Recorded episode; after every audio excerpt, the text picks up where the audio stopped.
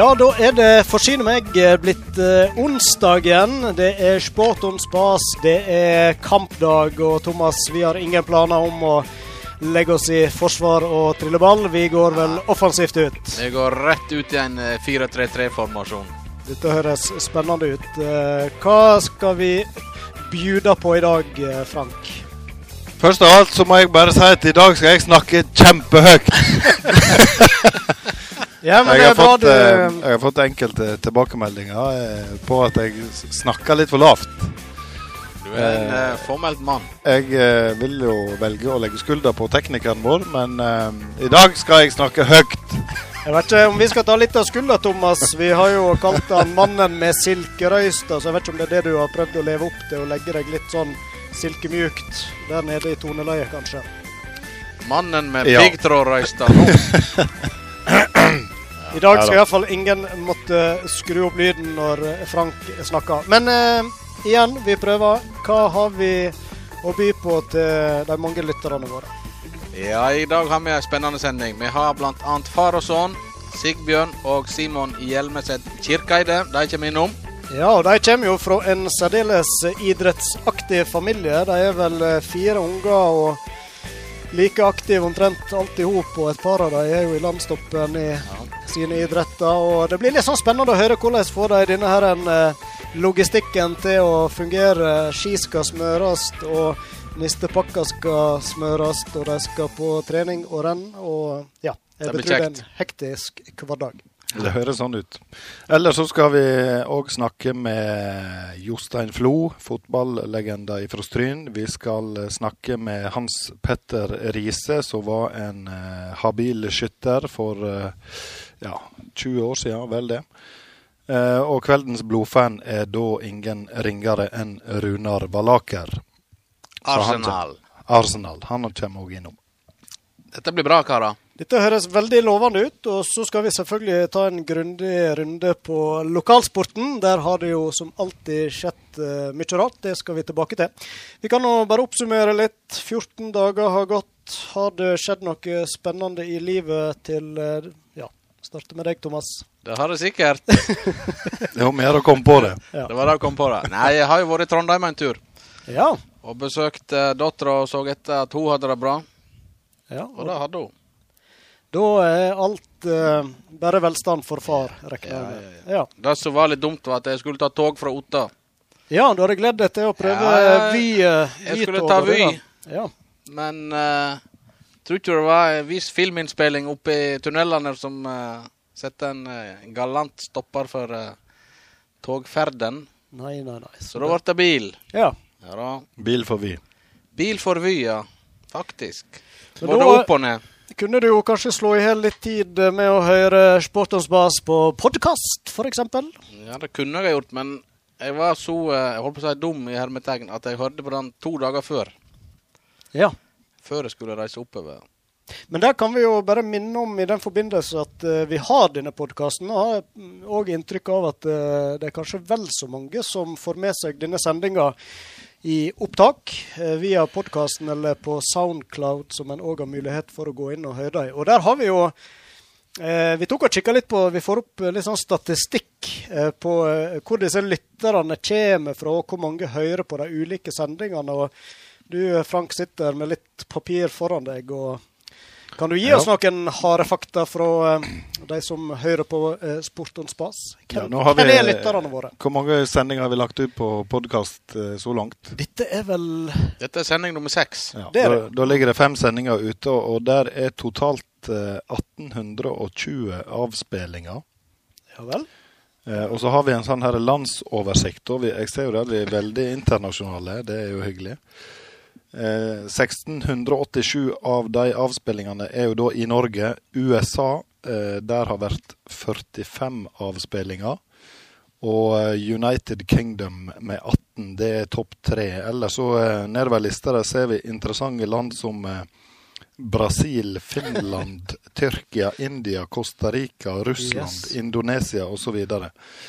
Eh, jeg tror eh, jeg veit hvem som er skyldig i en del av disse her eh, landa. Det er nok han Emil Allesø, Stryn sin eh, kaptein på fotballaget. Han var da på ei sånn her slags jordomseiling. Kanskje han skal ta flere turer, slik at vi får flere land. ja. Men så var det litt interessant med stader òg. Jeg tror det gikk ned ikke bare på nasjoner, men byer eller tettstader. Og det var vel faktisk eh, Jeg vet ikke om det var Ja. Som var mest Var det Oslo? Oslo har flest avspillinger med 432, og Stryn er da nummer to med 381. Og Nordfjordeid, mine damer og herrer, med 121. Yes. Nordfjordeid. Ja, kjekt. Veldig kjekt. Veldig bra. Bra vi har lyttere, ikke bare fra det aller næreste området, men eh, kanskje vi skal ja, tenke litt sport utover fjorden òg etter hvert. Ja. Og tilpasse oss lytterskaren. Men eh, nå eh, får vi konsentrere oss om eh, våre lyttere, først og fremst i Stryn og Håndalen. Og så nevnte du Sverige, tror jeg. Eh, og der har vi jo en eh, trufast lytter som heter Morten Esje, og han registrerte deg i dag på Facebook. Han har gjevesdag, så da syns jeg vi skal ei, ei. Gratulere, Morten. Gratulerer, Esje, med Morten. dagen. Hipp, hipp. Kose deg. Håper du hører på Sport und Spas. Jeg har bare òg lyst til å minne om at eh, send gjerne inn tips eh, til oss om f.eks. potensielle gjester i studio, eller folk vi bør prate med eller prate om. Det setter vi stor pris på. Og så er det òg sånn at eh, vi får snart gjester i studio, eller vi har gjester på telefon. Og da vil vi gjerne at dere bidrar med spørsmål.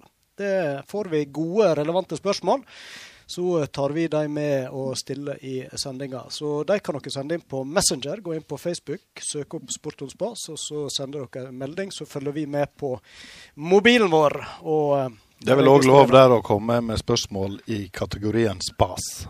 Spas. Absolutt. Absolutt, ja. Så uh, underholdningsverdi det drar òg opp og gjør det relevant. Og så får vi fylt sendetid. Ikke minst. Det er, jo et, det, det er veldig viktig. Vi skal øyeblikkelig i gang med oppsummering av lokalsporten, men først så bruker vi litt tid på vår sponsor. Johans pub er den stolte sponsor av lokalsportmagasinet Sport og Spas på Radio Stryn.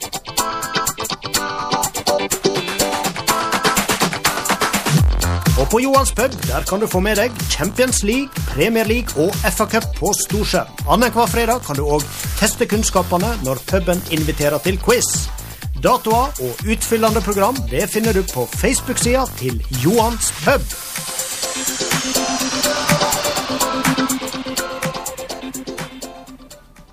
Da skal vi gå løs på helgas eh, lokalsport. Og jeg tenker du, Thomas, kan få lov å starte litt bort i Håndalen, der det faktisk var et NM som fant plass. Ja da. I Grendadalen, der var det NM i skifelt i helga. Og der fikk vi eh, to eh, dobbeltvinnere. Førerens favoritt, Ole Martin Erdal fra Førde. Han gikk til topps i herreklassen. Og Kristin Våga Fløttum fra Skaun IL. Hun vant òg begge dager for damer. Men så hadde vi en lokal norgesmester i juniorklassen. I eh, sterk familie med de vi snart får som gjester i studio. Ja da. Maren Hjelmeset Kirkeide hun ble norgesmester på sprint for junior. Og vi tar med Hedda Garli Hilde. Hun ble nummer to både på sprint og normal. Og en liten tommel opp til henne der, for hun skjøt fullt hus på sprintdelen. Jøss, imponerende. Og så hadde vi to eldre rekruttgutter. Eirik Tvinnereim vant normaldistanse og nummer fire på sprint. Og Torje Seljeseth han var nummer to. Og når vi først er inne på Hjelmeset Kirkeide, Oddrun hun vant klasse eldre rekrutt i jenter sprint og ble nummer to på normal. Og Ja. denne litt spesielle konkurransen. Ja, vi burde kanskje starte med å forklare litt hva skifelt eh, er slags sport. Eh, nå er ikke jeg noen ekspert der, men eh, vi kan jo ta utgangspunkt i at det er skiskyting som folk kjenner til, men her går det klassisk langrenn. Det skiller selve eh, skigåinga. Men det er jo først og fremst skytinga som er den viktige her, og spiller en større rolle enn hva den gjør i den mer tradisjonelle skiskytersporten. For her eh, skyter du på ukjent hold. Altså Ja. du kan Iallfall de eldste de skyter vel fra 100 til eller opp i 300-400 meter avstand.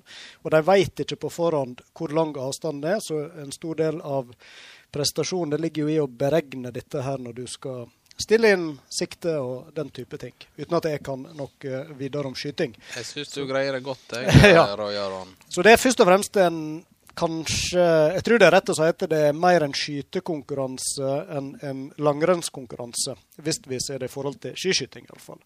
Eh, og så er det jo òg sånn at eh, en er vel ikke kommet så langt at det er elektronisk registrering. Iallfall ikke var det i Håndalen. Og det gjør at eh, de får ikke vite skyteresultatene før etter at rennet er slutt. Så da er det litt sånn på gamlemåten. Samle inn blinker, og så er det å begynne å regne ut. Og hvor mye tillegg er det. Og så går det kanskje en time etter alle løperne har gått i mål, før en veit hvem ble norgesmester. Så det er jo en litt sånn Vi kan vel ikke si den mest publikumsvennlige idretten, men hvis de får inn elektroniske skiver og får live-resultat på det, så tenker jeg eh, det blir en litt annen Så du kan egentlig Sport. regne med at en utøver har kommet hjem igjen og er ferdig å dusje før han vet om han vant.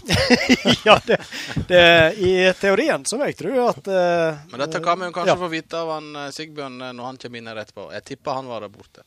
Det kan veldig godt hende, i og med at han hadde meg. flere av døtrene deltok. Men uansett så uh, var det et uh, godt gjennomført mesterskap borti Håndalen. Og det var ikke de letteste forholdene, jeg må si. Jeg, og særlig når du har en sånn type skytekonkurranse, så er jo ikke kjekkest med både vind og nedbør. Men jeg tror det gikk etter forholdene ganske bra.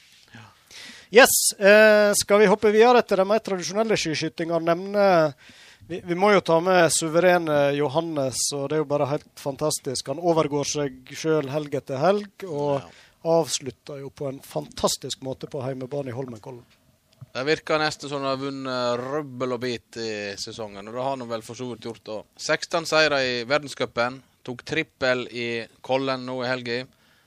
Han vant det som var å vinne av uh, krystallkuler i verdenscupen. ja, det er ikke mindre enn fem, er det det det ja, blir? nei, han uh, Fire distanse sammenlagt kula, så du har jo både normal sprint, fellesstart og jaktstart. Yep. Og så har du den gjeveste av de alle, som da er denne sammenlagt eh, krystallkula for alle, alle typer renn. Om han ikke har noe på peishylla si nå, så veit han i hvert fall hva jeg kan plassere der. Men litt å strekke seg. Jeg, jeg hørte han eh, er jo litt spent på om han har, hvordan han skal overgå dette. Det er jo en fantastisk prestasjon. Han satte rekord med antall eh, eh, seire i løpet av en eh, verdenscupsesong. Men han har jo en forkad som har klart å vinne disse fem eh, krystallkulene som vinner på fire ganger før. Så han har litt å strekke seg etter der hvis han har lyst til å tangere forkad på det òg. Men han er bare 25 år, Johannes, og han har fort ti år igjen på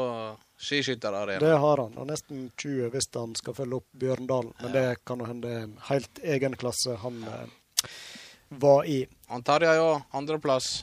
Tarjei må jo ta med, ja. Dobbelt Bø. Det var kjekt å se at han òg eh, kom seg helt opp på pallen, også i det løpet. Så jeg tror jeg vi skal litt over i de verden, Frank, eh, med fotball. Da er vel litt mer heimebane.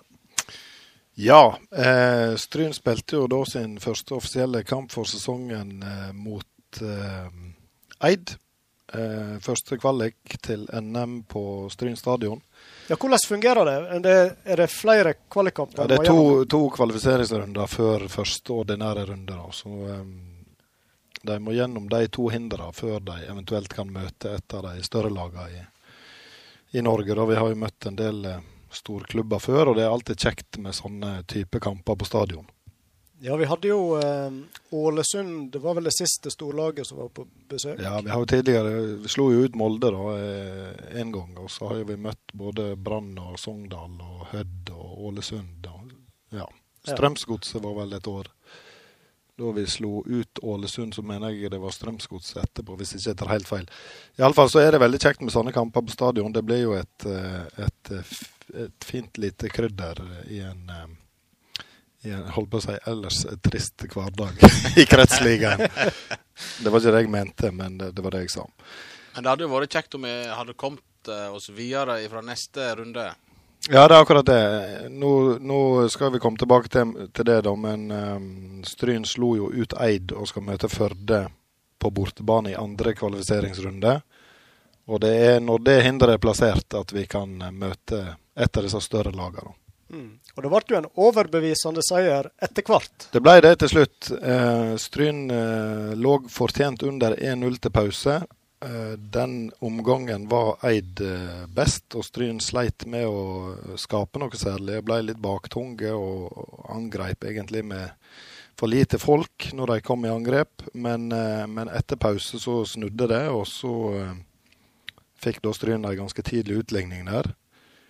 Og så eh, kom da eh, sagnomsuste Mats Wie innpå, da. Eh, han var skada, spilte på Sandane i fjor, var mye skada. Nettopp kom tilbake.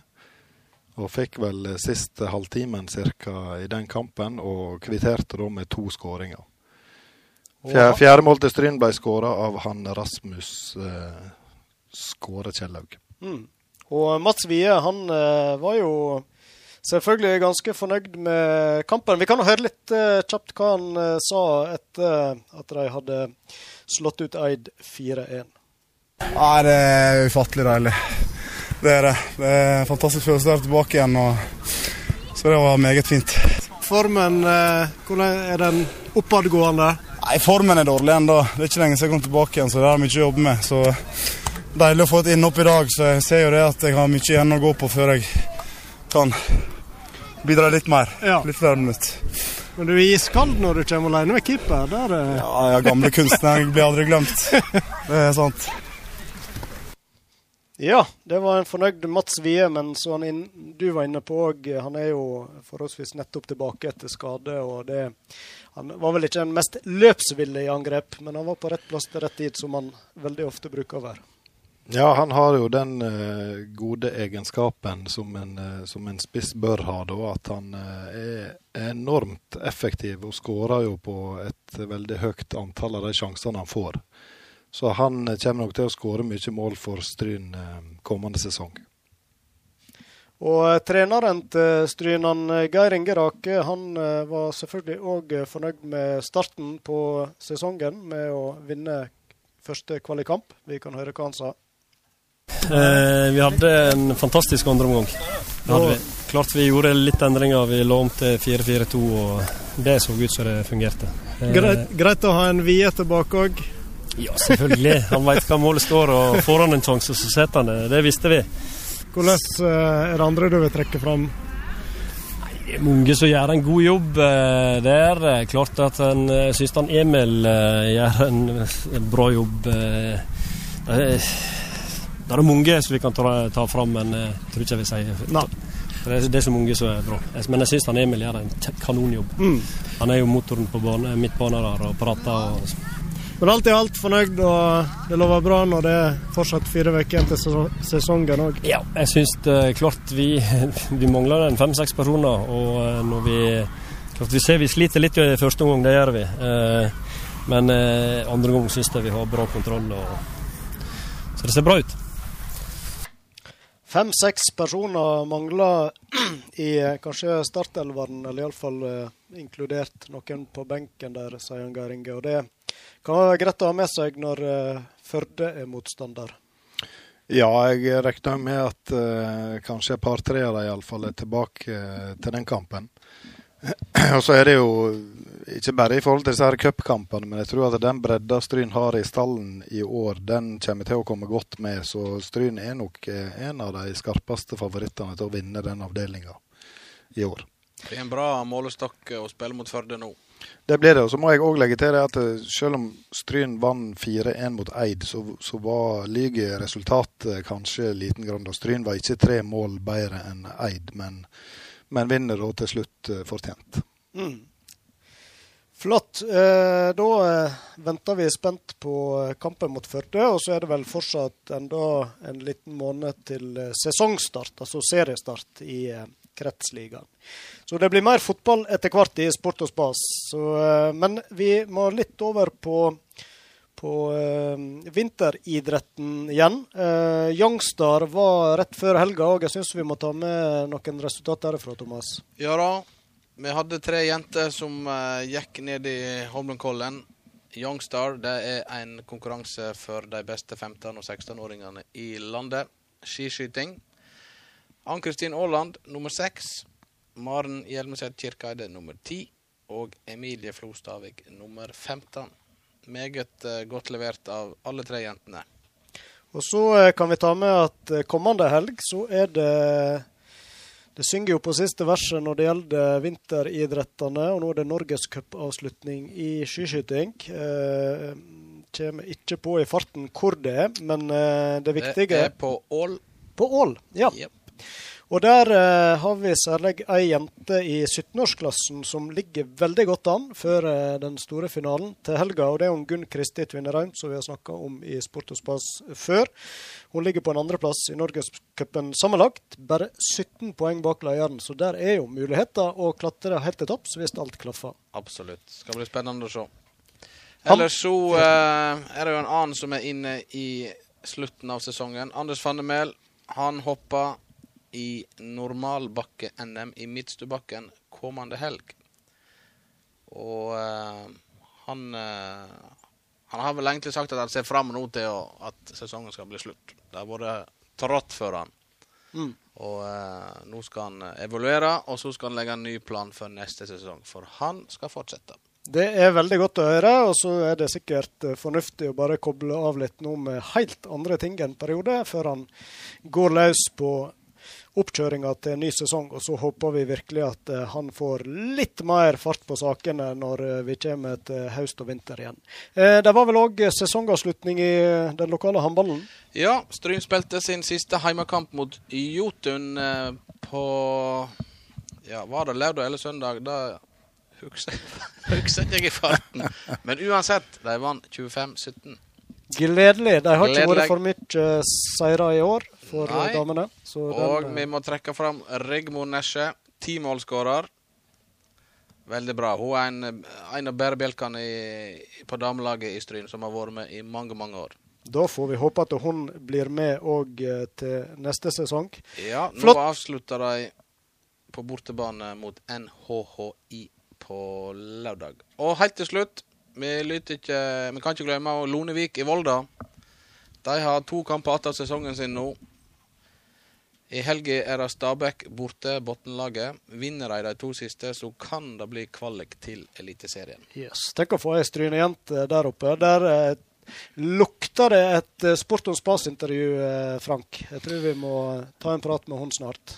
Ja, det gjør det definitivt. Det hadde jo vært kjempekjekt med et lokalt navn i toppserien i håndball. Det, har det skjedd før? Pass. Pass, eh, tror jeg, fra alle rundt bordet. Det kan vi sjekke opp Ja. eh, til neste sending. Nå eh, syns jeg vi skal spille litt musikk. Så skal vi hente inn eh, dagens gjester, han Simon og han eh, Sigbjørn. Men i mellomtida, da slipper vi, slipper vi til Imagine Dragons og Thunder. Just a young gun with a quick fuse. I was up.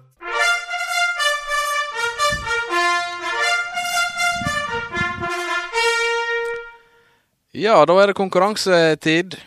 Og siden vi får besøk av han eh, Nei, vi får ikke besøk. Vi får han eh, Jostein Flo på telefonen seinere. Så skal spørsmålet ikke handle om han, men om en bror. Der er jo litt å velge i. Det er noen å velge i, men jeg har tatt utgangspunkt i han Kjell Rune. Kjell Rune Flo han har spilt for en norsk eliteserieklubb.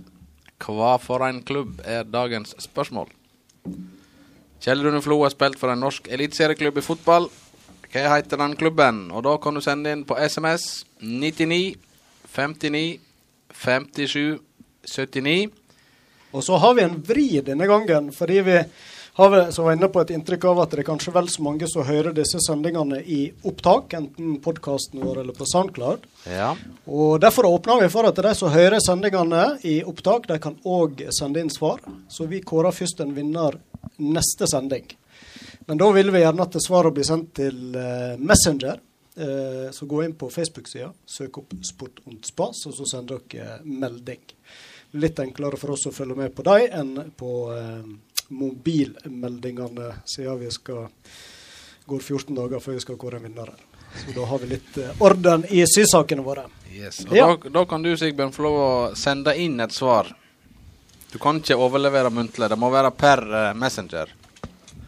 Da jeg skal briljere med mine fantastiske fotballkunnskaper. Ja, men ikke her og nå. Nei, men dette svaret tror jeg faktisk jeg vet. Så det kan hende jeg kommer til å ta sjansen på å sende inn Da kanskje vi har ett svar. Det høres bra ut. og Da nytter vi anledningen å ønsker velkommen i studio. Sigbjørn har vi allerede introdusert. Sigbjørn Kirkeide og sønnen eh, Simon Hjelmeset Kirkeide. velkommen til dere. Ja, tusen takk. Takk for det. Kjekt dere tok turen. Og eh, ja, det er en lang vintersesong som går mot eh, slutten her. Og eh, hva du sier Simon, er det greit å snart kanskje pakke vekk skia litt, eller? Ja, det skal bli fint å få en liten pause nå og begynne på litt, litt alternativ trening fram mot neste sesong. Og kanskje er det greit for han far òg å få en pause i smørbua, eller? Smøribua. Det er fint, fint å være der oppe. Fredelig å høre på, høre på podkaster og på radio vet du, og jobbe, for da går mye, arbeidet mye enklere. Ja. Men det er klart det blir jo noen, det blir noen stunder der oppe òg. Det blir det. For dere er jo, eh, det er ikke til å legge skjul på at eh, dere to er fra en eh, ganske så aktiv familie. I tillegg til deg, Simon, så er det jo en Maren. Vi har allerede nevnt henne i sendinga et par ganger, faktisk. Resultat fra lokale renn. Og Oddrun og Ane, og dere er nå vel mer eller mindre like ivrige på ski hele gjengen. og eh, Hvordan er det å være far og støtteapparat og, for denne herren gjengen? Det er, det er bare, egentlig bare helt fantastisk løye. Eh, Jeg han drev jo med helt andre ting i min ungdom, så nå får jeg ta del i det som ja, andre drev med da, da jeg var yngre, på en, sett fra en annen del av arenaen, kan du si. Både som ja, forelder, støtteapparat, smøring, som du har nevnt, er jo en, eh, i hvert fall det grunnleggende. Nå er jo sånn som Simon, da, som er jo kommet opp i relativt høyt nivå, så stiller de kanskje litt større krav enn det han eh, far sjøl greier å gjøre oppe i, oppe i smørjebuda. Men eh, forhåpentligvis så har han i hvert fall vært med å, å danne et grunnlag. Både på det som han går på når han er ute på renn, og det som eh, småsøstrene bruker på lokale renn. Sigbjørn, har du, har du smurt den vekk noen gang? Det kan jo kanskje han eh, Simon svare på. Ja. Jeg har ei historie, men Simon kan få lov å fortelle sjøl om han eh, Nei, hva, hva skal en begynne henne på? Takk skal du ha. Du vil jo gjerne ha en historie, da, hvis det her finnes det.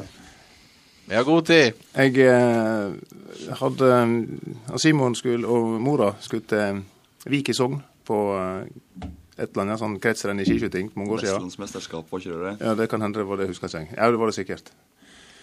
Eh, jeg skulle vekk den helga i jobbsammenheng, så jeg var på et, eh, på et sånn hotellseminar nede i Vestfold. Eh, trodde jeg hadde gjort en kjempeinnsats, hadde vært inn på i treiden og handla ekstra med det som i dag ikke er tillatt lenger for de som er 16 år yngre, fluorbasert eh, Glivox. Og eh, gjort dette, som sagt, det som jeg trodde var det jeg kunne gjøre for å, for å lage til godski til han Simon. Og eh, prøvde å holde meg litt orientert i løpet av lørdagen, og eh, fikk jo da etter hvert en meget eh, amper guttunge på telefon. Det hadde gått til pieces, for en si da, for å bruke et litt fint ord. Eh, Skytinga var vel ikke noe å skryte av den heller, men eh, jeg fikk jo da etter hvert bekrefta fra mora òg at han hadde dårlige ski. Og jeg hadde da bomma totalt på, på valget av og jeg snakket med han Simon og prøvde nå etter beste evne å ikke lage for mye spetakkel, jeg da, men eh, så, den samtalen var ikke så veldig lang på, på telefon. Men det gikk vel sikkert to minutter, så fikk jeg tekstmelding. You are fired. Du, men du sitter fortsatt? Ja, jeg sitter fortsatt. Jeg blir tatt inn igjen i varmen uh, mer enn én en gang, for å si det sånn. Men eh, forhåpentligvis så har jeg nå lært litt etter hvert disse åra. Så mm, jeg innbiller meg iallfall sjøl at det blir lenger mellom hver gang jeg får, får sparken på dette der. Men du var jo inne på det sjøl at uh, da du vokste opp i din ungdom, så var det kanskje ikke akkurat skigåing du drev uh, mest med. Stilte du med helt blanke ark nå når du kom inn og skulle være et støtteapparat for ungene, eller hadde du noe erfaring? Ikke med skismøring på det nivået som de driver på med nå, nei. Det var, det var helt eh, på scratch. Det var det. Det er ikke til å legge skjul på. Men eh, så jeg var jo ja, ja, vi har jo naboer oppe i bygda, Gjørven. De har jo, han Jan Egil han har jo fire gutter, han òg, som har drevet på med dette. Jarle, som er eldst der, så han kunne jo mye. Um, og Simon kommer jo Han har jo en, en um, arvelig belasta, for å si det sånn, da, på mors side òg, med litt uh, skifolk. Så et og annet triks fikk jeg jo snappa opp der ute på, på Hjelmeset. Og ellers så har det jo vært prøving og ja ja, OK, en del feiling, men eh, kanskje også litt lærdom. Og så er vel dette her med å prøve å ikke gjøre samme tabbene opp igjen veldig mange ganger. Um, Så det, er jo det, er jo- det, er jo- dette har jo med glid å gjøre. sant? Og så er jo dette her, Andre ting er jo det med feste. og Nå hører jeg jo det at det er mange som går over til å, å bruke felleski. At det kan være løsning. Nå er fellesida nevnt, da er det bare Stryn 2 igjen.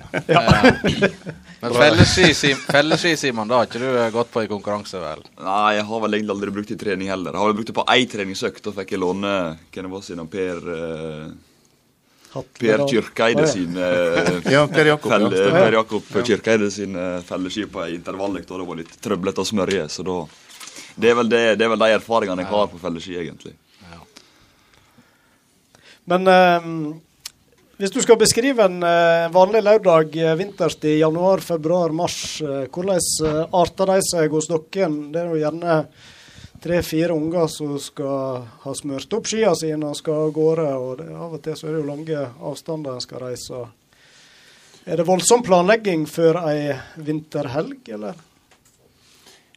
Nei, altså hvis han ikke begynner på skiene før på lørdagsmorgenen, da har han et problem. Det er i hvert fall bare å, å understreke. Så- Han Simon skal vel ha flere par etter hvert, når du er kommet opp på det nivået, jeg tror. Det er vel ikke nok med å ha med ett par lenger. Nei, det er vel mest på nasjonale renn at det er flere par ski, da, men eh, det stemmer vel det. Ja. At det blir jo det blir jo noen stykker etter hvert. Men bidrar du litt sjøl òg, eller?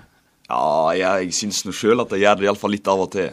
Jeg er jo ikke like mye oppe og smører ski som det han eh, pappa gjør, det skal jeg eh, ærlig innrømme. Men eh, jeg bruker å ta det når vi kommer hjem fra skirenn og legger dem inn og passer på dem da. Iallfall av og til. De skal stelles godt. Ja. Ja. Det er en viktig del av det. Men eh, Nei, men For å svare på spørsmålet ditt, da, Jaron. Eh, nå er jo han Simon han er jo kommet opp i norgescupalder, og da er du nasjonalrenn. Eh, går jo på strid videre, videregående og delvis med dette, eller som er jo en del av dette Oslo Team. Og de har jo eh, organisering, egen organisering på turene sine der, da, med, med bestilling av overnatting og der foreldra til alle utøverne stiller på som støtteapparat og er med på ja, Noen er i smørebud, noen er på sekundering, noen er på transport. Ja, Forskjellige oppgaver som blir fordelte. Um, så Sånn sett så var jo det litt enklere, hvis en kan si det sånn, da, når alle for på samme rennet, samme plassen. sant? Og Da var det enten til Hellesylt eller Stårheim eller noe i den duren. og Da var det pakke inn i bilen og fare av gårde. Og så var det ulike starter på ulike tider av, av dagen. Nå er jo de tre jentene som fremdeles er på det. Neste år så skal Maren òg opp i denne her eh, junior norgescup-gruppa. Så da blir jo hun og Simon så ferdig den veien. Og så er det da hine to som eventuelt, hvis de fortsetter. og det håper vi når de gjør det. At de blir, Det er jo stort sett lokale renn på dem, da. Eh, Det er noen få nasjonale renn for eh, de yngste, sånn som kval for sprint og eh, hovedlandsrenn for 15- og 16-åringer. Ellers så holder vi oss stort sett i, i nærmiljøet for de yngste ennå. Men det er jo ikke bare langrenn eh, det går i, det er jo skiskyting òg. Det er jo skiskyting som er hovedgreia. Ja. Det er vel mer det at de går på de langrennene som de får til. Så hvis vi putter, putt inn i timeplanen Ja, så hvis det passer, så kan det gå langrenn òg. ja, ja, vi må passe på vi ikke har ledige helger, vet du. Ja, nei, det er ikke bra. Ledig gang, vet du. Det er Ja, ja, det, ja. Men det høres jo ut eh, definitivt ut som en helt avhengig av eh, en mor, eh, en mor eller en far, eller gjerne begge, som stiller opp eh, omtrent hver helg gjennom hele vinterhalvåret. Er, er, er det mulig å være skiløper eller skiskytter uten å ha den støtta i ryggen? Nei. Altså, på, på skiskyting så er det jo så enkelt og greit så det at de ungene har ikke lov å håndtere våpen alene før de er 17. Eh, og det ser en òg hvis en er på lokalrenn, at da ligger våpnene på standplass. Det er foreldre eller trenere eller foresatte som eh, bærer våpen fra bil til standplass, som lader opp og legger dem fram på skyte, skyteplassen. Og Så kommer ungene på ski inn og legger seg ned, skyter og legger fra seg våpen og går videre. Det er jo først som 17-åringer og juniorer det at de kan håndtere våpnene sjøl. Og da de begynner også å gå med våpnene på ryggen og i konkurranse og, og skyte stående. Eh, Så når det gjelder skiskyting, så er jo svaret et uh, ubetinga ja. Da er en nødt til å ha med seg en foresatt. Eh, ikke for å være utidig med lagidretter, men sånn sett så kan det hende at det er litt enklere for en forelder som leverer en unge på en fotballbane eller en håndballhall og kan ta seg en tur på enten butikk eller trene sjøl eller kafé eller hva det måtte være, og så henter de igjen etter treningene. Mens eh, når det gjelder skiskyting, i alle fall, så har det med sikkerhet å gjøre. at Da er vi nødt til å være til stede. Og jeg tenker også på det som har med smøring og den biten der å gjøre. og Organisering og altså der er, Det er jo mye som følger med, mye reising. og Er det mulig å gjøre det uten en, eh, en viss del av familien i ryggen, iallfall? Ikke, å- ikke før du blir 18 år og får mulighet til å kjøre sjøl, i alle fall. Det tror jeg blir veldig vanskelig. Da, da tror jeg må det være god å lese bussrute, for å si det sånn. Men eh, er det sånn at du er blitt så gammel at du vet å sette pris på mor og far og innsatsen de gjør òg, eller tar du det som selvsagt at de Ja, står opp klokka vel- seks og er klar en lørdag? Nei, jeg er vel egentlig ikke god nok på det. Det tror ikke jeg. Det skal jeg eh, ærlig innrømme at jeg er ikke Jeg er ikke flink nok til å egentlig sette pris på, eller i det hele tatt se hva som egentlig blir gjort, da, før en kanskje får litt på avstand. For jeg vil jo tro, Det er jo ikke så mye tid igjen Sigbjørn, til å eh, gjøre egne ting, hvis vi kan kalle det uh, iallfall halvåret, da. Høres det ut som. Ja, altså det er noe Det er nå en prioritering. Eh, som jeg sa innledningsvis, eh, min ungdomstid var jo, brukte jeg på andre arenaer. Eh, så jeg syns jo bare det er helt topp å få være med på dette her. Ja. Og oppleve. Og mm, jeg er jo i overkant eh, spent kanskje før et renn, eh, har jeg fått hørt av og til. Eh, irriterende nervøs kanskje og stressa for at alt skal være på plass. Og så viser det seg jo det at de har jo som regel stålkontroll sjøl, ungene. da. Men det er ikke alltid det vi foreldre ser det. Sant? Og er kanskje litt eh, vel på tuppa i forhold til å Hvordan er han for når det nærmer en halvtime før start? Kan du beskrive litt? Ja, jeg prøver å holde meg mest, lengst mulig vekk fra på den, den halvtimen. Kom inn i bobla. Ja, varme opp og Ja. Er det sånn, Sigbjørn, at uh, når du har vært i smørebua og ordna ski og alt dette der, er du da ferdig for dagen, eller er du ute og sekunderer og Nei, når, Ah, ja. når vi reiser på renn, sånn som du sa i stad, på nasjonale renn for Simons sin del, så er det jo, da er jo det egne folk som tar seg av Ja. den smøringa. Og da er jo det litt mer um, seriøst. Eller iallfall, ja. Altså, da er det da blir skia testa. Prøver forskjellige typer glid og forskjellige typer topping og struktur.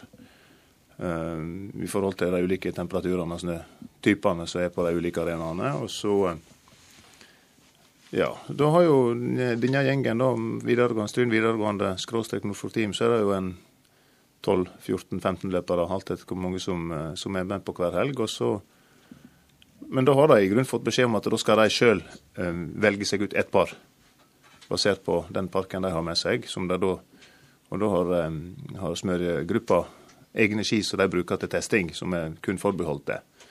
Som skal være ja, kall det nøytrale ski, da. Eh, og Da blir dagens, eh, dagens valg lagt på de skiene som da løperen har, har valgt til konkurranse. Så da er det som sagt eh, de to-tre som er satt opp på det, de oppgavene den helga som har den jobben, og så er det da de andre som er på sekundering eller på ja, reiseleder, skråstrek lagredere eller sånn. da. Men, men mer sånn eh, lokalrenn, så ja, ja, Det høres jo kanskje litt sånn flåsete ut, men prøver jo å gjøre Kina klar kvelden før. Og så tar en sjansen på at du veit hvordan det er. Det er ikke så stor forskjell på snøkvaliteten fra Kjerkeid eller på Ulsheim eller hytteholdet på Helsylt eller sånn. Så det, det, vi tar et valg kvelden før, og så gjør klar Kina, og så er det ut og varme opp og gå. For da er det litt mer sånn lave skuldre og litt Ja, ja, lave skuldre. Skuldrene kan være høye nok på et kretsrenn òg, for all del. Det har ikke med det å gjøre, men, men det er nå Ja, god stemning, egentlig. Reise på skirenn. Skiskytingrenn. Stas er helt konge. Ja, vi har fortsatt med oss Simon og eh, pappa Sigbjørn i studio her. Og jeg tenkte på dette, det er jo, det er jo ikke kanskje helt tilfeldig at eh, du, Simon, og Maren, søstera og disse andre søstrene, at dere gjør det såpass bra. For det er jo litt idrettsgener på begge sider. Jeg tenkte på det. Mor di, hun eh, Margunn, det er jo søsteras Oddbjørn Hjelmeset, så jeg vil tro de fleste som hører på her, har fått med seg at han var en god langrennsløper for ikke så mange år siden med verdensmestertittel og gode greier. Og på de side, Sigbjørn, du har jo ei søster som er mor til selveste Anders Fannemel. Stemmer ikke det? Det er helt rett, det. Ja, så da eh, Når dette blir kokt i hop, så er det kanskje ikke så rart at det blir idrettsutøvere ut av det. Det måtte bli vinteridrett. Har vel egentlig valgt feil idrett, da. Burde jo egentlig blitt kombinert. sånn sett. Ja, ja, Ja, kanskje det er der talentet virkelig ligger. Får la være å prøve, slippe å finne ut av det. Arne Skeie hadde jo funnet ut det at han, eh, at han Anders Vannemel og Oddbjørn var i slekt. Uten at jeg helt greide å skjønne, finne ut uh, vet hvordan han. En eller en eller annen link er der, det, det er greit. Men han, Arne Skeie, det hører jeg på radioen, han at ja, det var slekt. Ja, han har Bomma litt, men ei såkalt halvkvedavis der, kanskje. Men uh, Jeg tenker Hvis Arne Skeie sier det, så stemmer det. så får dere finne ut av hvordan. Men du har vel egentlig sagt allerede du var, du var spesielt aktiv i idrett? Jeg, Selv eh, som jeg ungdom. vokste opp hjemme med det som eh, enkelte på bygda har omtalt som prestedilten. Da det var skisportens dag og forløperen til disse cuprennene, var det jo Stryne Cup. Eh, Einar Arnesæter bl.a. i spissen på, som leder av skigruppa i, i Stryntun idrettslag den tid. Hadde oppkjørt løype inn på flatene rundt husa og opp på Kjærseide og forskjellige plasser i bygda. Og da var det søndagene etter preik preiketid, derav navnet Prestedilten. Eh, og da var det cuprenn med opp ifra ja, det som er nybegynner eller rekrutter, eller hva det heter, for noe, opp i seniorer, de som var med. Det var jo før Ulsheim ble etablert, da.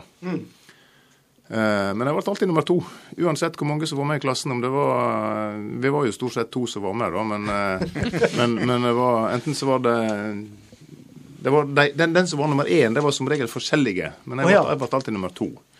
Så når da eh, kom opp i den alderen at vi skulle begynne å gå to runder, da fant jeg ut at det var litt for langt og litt for travelt. Så da, da ga jeg meg. Da var jeg heller med i sekretariatet og tok på meg det.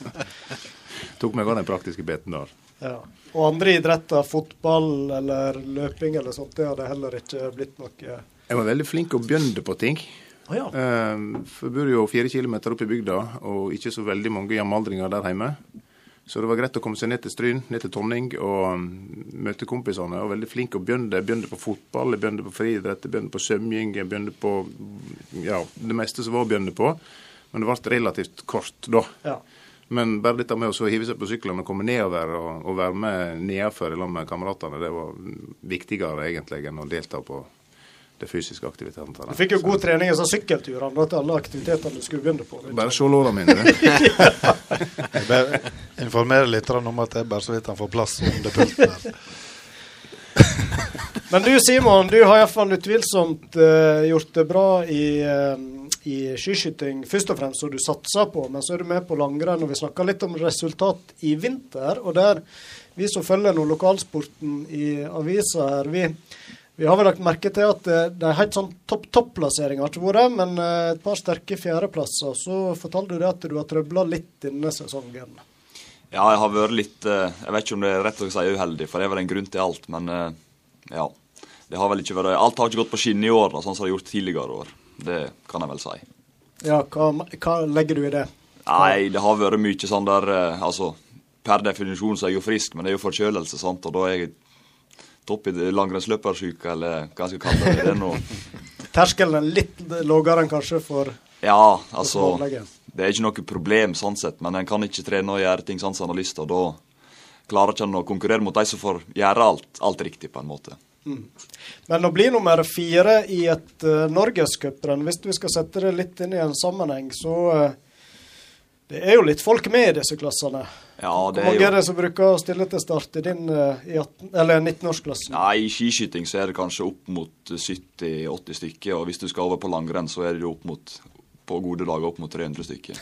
Ja, så hvis du da er la oss si topp 20, så er det jo egentlig en Ja, du er i hvert fall med. prestasjon. Du er med. Ja. du er i toppen da. Men hvor mye tid bruker du på å, å trene på skyting? Nei, jeg bruker faktisk mer tid enn det kanskje enkelte virker som tror, da. Men eh, jeg jobber med det, og så venter jeg på den dagen der alt klaffer. Ja, for hvis, det, hvis du eh, treffer på alt, så er det vel ingen som slår deg, vil nå jeg eh, tro. Nei, det Hvis du har studert resultatlista, så er det vel kanskje, gan- kanskje rett, ja. Ja, det tror jeg nok. Styrken er i sporet. Det er ikke tvil om det. Nei, det stemmer vel. Men, Men Simon, sånn, sånn generelt sett, eh, når du trener på skyting, hva, hva er de største utfordringene i forhold til skytinga? Er det, er det det å komme inn med høy puls og få kontroll på den biten, eller? ja, altså En kan jo starte med at blinken den er jo, den er jo 4,5 cm. Og det er jo egentlig vanskelig å treffe ute en med, med 150 puls.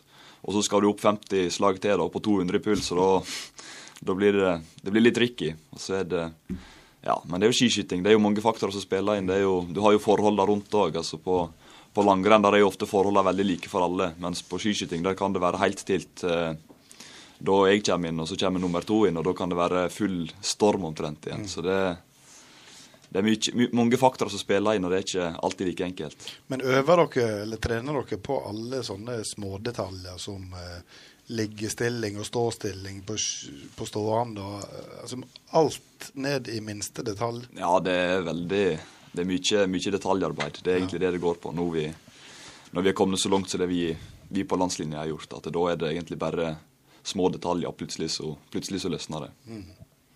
Vi har jo hørt han Johannes i år, som eh, særlig eh, nå siste del av sesongen, så har jo han òg trøbla. Og så har de vært veldig inne på dette med å, å våge å stoppe opp og liksom hente seg inn igjen. Er det noe du er det ting en jobber med òg, at en på en måte har denne plan B som er Ja, kommet? om? Ja. den er jo veldig viktig. Men eh, at Johannes plutselig kan miste det helt, det sier vel egentlig sitt om skiskyting. og vært sikkerheten sjøl, og så er det én serie, og så er det helt, helt ute. Så det, det sier vel egentlig sitt om skiskyting, at det er så små marginer. Det er liksom en bitte liten ting kan velte et helt lass. da. Det sitter i hodet, kanskje. Men går det på sjøltillit, tror du? Altså Når han får én dårlig serie, og så sliter han en periode etter det.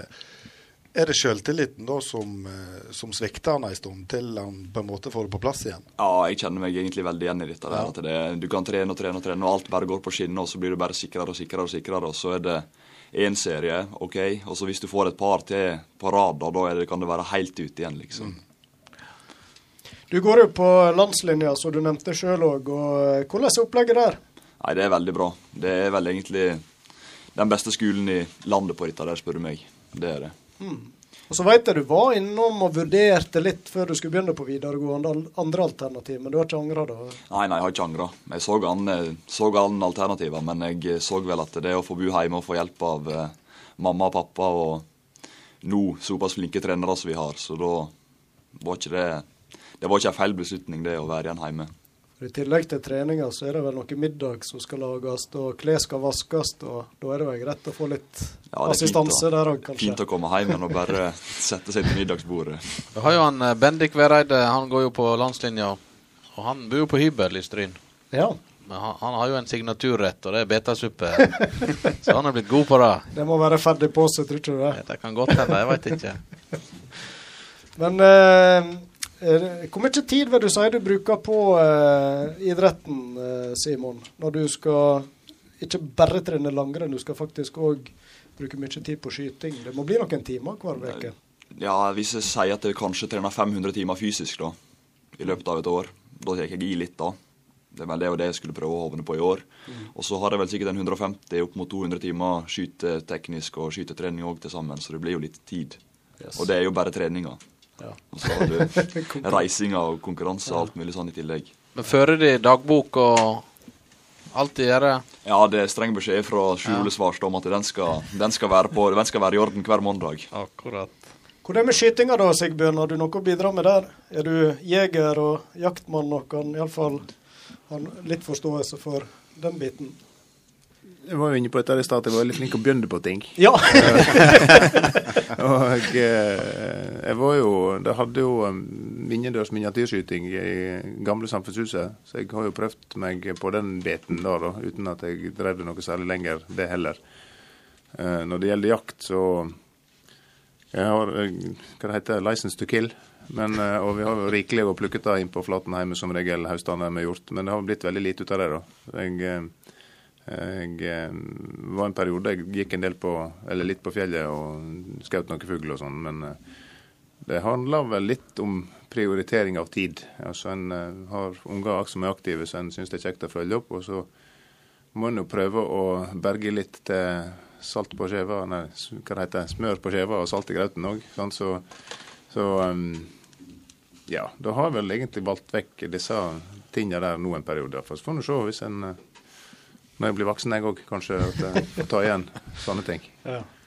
Eh, Smett inn et spørsmål om Maren òg, tenkte jeg. Eh, Hun eh, ble ikke med her i dag, men eh, hun gjorde det veldig godt eh, i Holmenkollen, hørte vi, og flotte resultat fra før i vinter òg i skiskyting. Eh, hun eh, er da blitt plukka ut blant eh, tre andre til å ha Tarjei Bø som mentor, kunne vi lese i Fjordingen.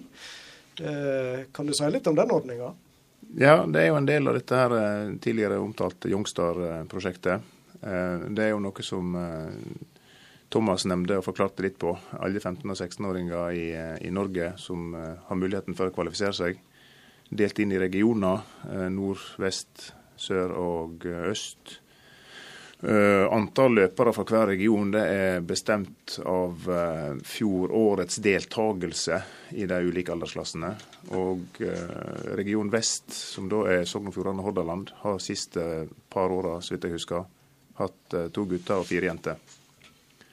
Og Da er det seks renn som teller eh, som kvalifisering til disse, eh, dette der, eh, løpet i Kollen. Og Det er to eh, landsdelsmesterskap, og så er det to renn i Kvalfoss eh, sprint i Kollen. Og så er det da de to rennene som er individuelle renner på hovedlandsrenn. Og I år så var det jo Ann-Kristin Aaland og eh, Emilie Flostadvik og Maren som fikk være med her fra området. Og så ei som heter Guro Femsteinvik. En eh, godt kjent egentlig skiskytterfamilie, iallfall kjent i miljøet, fra Hålandsdalen. Jeg tror de er fem søsken som òg driver med skiskyting. Så det er viktig å kanalisere alle ungene inn på samme greina, så en får uh, samordne seg. Praktisk. Ja, Det er praktisk, ja. Eh, og i den forbindelse da, så, um, så er det denne mentorordninga som man Tarjei bidrar med for um, jentene i, i vårt område. Og det er jo en del av, uh, av avtalen eller pakken som Bama blir med og bidrar til. Men hvor tett eh, kan han følge Det er vel begrensa tid han har òg, Ja, eh, det var jo et foredrag eh, i forbindelse med den utøverlunsjen før rennet i Kollen da, på den torsdagen. Og så skal, han da opp, er det da oppretta sånn Snapchat-gruppe for disse utøverne, som han da skal legge ut litt sånn inputs. Sånn så han i sin hverdag, om det er en, en gang for veka eller annenhver uke, eller hva tid det er for noe. sånt, og så ja, F.eks. nå framover, da. eh, Sesongslutt snart. Så kanskje han da kommer med et hint om at eh, ja vel, nå er vi ferdig for i år. Nå må dere slappe av og kose dere, folkens. Eh, Ta dere en fjelltur, en joggetur, en sykkel, drive med litt fotball. Litt alternativ aktivitet en periode framover. Sånn så kanskje han kommer med en melding om at ja, i dag har jeg gjort sånn og slik. Kosa meg på tur. Sant? Vi koser oss Ja. på med En sånn slett melding. Så det er liksom, det er den kanalen der da, som skal være primært. Pluss Ja. at, pluss at disse her hjemmesidene som Skiskytterforbundet og Bama og eh, dette her Eat, Move, Sleep-konseptet deres skal da være en sånn oppdateringsforum. Med litt eh, tips og eh, råd, veiledning. da. Det, det er stort, stort sett det det går på. Det er jo på ungdommens premisser, høres det ut som. Oh, det er sikkert uh, lurt. Uh, du da, Simon. Tror du du er litt inspirasjon fra, for veslesøstrene dine? Går opp løypa litt for deg, eller? Ja, jeg veit ikke. jeg er usikker, men uh, jeg håper egentlig det, da. At Ja. de iallfall har som driver med skiskyting og holder på med det samme som jeg har drevet på med. på en måte. Jeg tok jo valget for dem. De har jo egentlig ikke hatt noe valg, de. Er bare måtte følge med ja, Ja. til Ulsheim. Ja. Eh, vi må etter hvert avrunde litt her. Vi har forskjellige andre poster vi skal igjennom òg, men jeg har lyst til å høre. Nå er du siste års elev på videregående, russ i år. og Hva skjer eh, når den tida er over? Har du ambisjoner og planer klare? Ja, jeg har et par planer, men det er ikke noen av de som er helt uh, satt i livet ennå, så vi får se. Vi får vente, vi får vente i spenning. Jeg har ikke bestemt meg sjøl heller, så da Nei. er det vanskelig å, vanskelig å si noe. Men eh, det innebefatter fortsatt skiskyting? Ja, ja, ja, ja. Hvordan blir eh, russefeiringa for en toppidrettsutøver? Nei, den mistenker den blir ganske rolig, tror jeg. Blir sjåfør, ja. Ja. Du blir en ettertrakta mann i russetida. Ja, det kan Så du får se. Og tar det godt betalt. ja, ja. Veldig kjekt å besøke dere, Sigbjørn og Simon. Tusen takk for at dere tok turen. Og så eh, ønsker vi lykke til nå i sesongavslutninga her, og så håper vi virkelig på toppløp. Du får med deg det, selv om det har vært litt sånn småtrøblete sesong, så satser vi på at du, du setter de ti skuddene der de skal. Ja, takk for det. Det er planen. Flott. Og lykke til til han far òg. Ja, takk for det. Takk for oss. Da eh, skal vi snart eh, ringe opp eh, Jostein Flo, vi. Eh, I mellomtida så spiller vi litt musikk. Det er vel om Sigrid som står for tur, og Sucker Punch. Nei, altså, sportens bas det er jo å gå for teorien i praksis, ikke sant? Altså, du har de beste folkene på de beste plassene. Vi snakka om Stryn sin cupkamp eh, tidligere, og jeg eh, glemte da å nevne at eh, superveteran Pål Erik Ytreide vokta da Stryn sitt mål i den kampen. Og eh, gjorde en bortimot Ja, han gjorde vel egentlig en prikkfri kamp, så vidt jeg kunne bedømme. Så da, eh, kjære Polly og alle han Polly sin, sine tilhengere, da har vi rett opp i den feilen. Supert. Yes. Polly, legende. Polly legende. Ja, da tror jeg vi har med oss han eh, Jostein Flo på telefonen. Vi måtte gå noen omveier. Men uh, god kvelden, Jostein. God kveld. God kveld. Hyggelig å være med. vet du. Veldig kjekt du tok deg tid å være med i Sport on spas. Det setter vi uh, stor pris på. Og eh, vi tenkte at uh, Vi har jo hatt lyst til å ringe deg lenge, vet du, men nå endelig hadde vi det vi kaller en, en knagg. For nå er det jo eliteserieåpning til helga. Og eh, om ikke du akkurat skal ut på banen, så spiller jo du en sentral rolle i eh, Strømsgodts eh, toppfotball, der du er med og styrer litt eh, eh, skuta. Du er sportssjef der. Yes, sir. Ja. Kanskje du kan fortelle litt om eh, hva den oppgaven går ut på? Den går ut på å misbruke mest mulig penger på kortest mulig tid til enhver tid. Å, det høres kjekt ut. Kjøpe og selge akkurat sånn som på manager. Um, så jeg, da sitter jeg i den stolen som de fleste sitter og spiller manager. Og så um, kommer forslag til styret på spillere inn, spillere ut, kontrakter, forhandlinger. Så må jeg innrømme at når jeg så dere ringte i stad på det nummeret her, så trodde jeg det var sånn eh, nigeriansk nettnummer. Så jeg var litt skeptisk, og så googla jeg det, og så så jeg at det var dere. da, og bare tilfeldig gjorde det. For det, det er så mange i Afrika som bruker sånne bestilte nettnummer for å 0047 som vi skal ta telefonen på for å komme gjennom det. Nei, det går ut på det samme som, eh, som i manager, stort sett. Det er kjøp, salg av spillere kontrakter. eh, Forsvare tap når vi taper. Bli grilla i alle retninger og, skjønne, og forklare hvorfor vi skal vinne igjen, og hva skal til for å vinne. Eh, jobbe tett mot trenerne i forhold til alle eh, situasjonene klubben kommer opp i. og Det er veldig artig. Det er en sånn eh, 24 timer i døgnet så lever alt mulig som skjer rundt en fotballklubb. og Det er stort søkelys. Eh, Det er mye supportere som mener. Eh, Det skjer noe hele tida. Så det er sånn eh, aldri fri. Fotball er en livsstil. Det er for gærne folk. Og så er du inne på at en del av jobben det er dette med forhandlinger. og Hvordan er Jostein Flo som forhandler? Eh, veldig, vi har veldig tydelig lønnsprinsipp i klubben i forhold til den størrelsen vi har, og hvordan den lønnsfordelingen skal være. Bonuser relatert mot å starte kamper. Vi har konkurransefokus på å starte i elveren.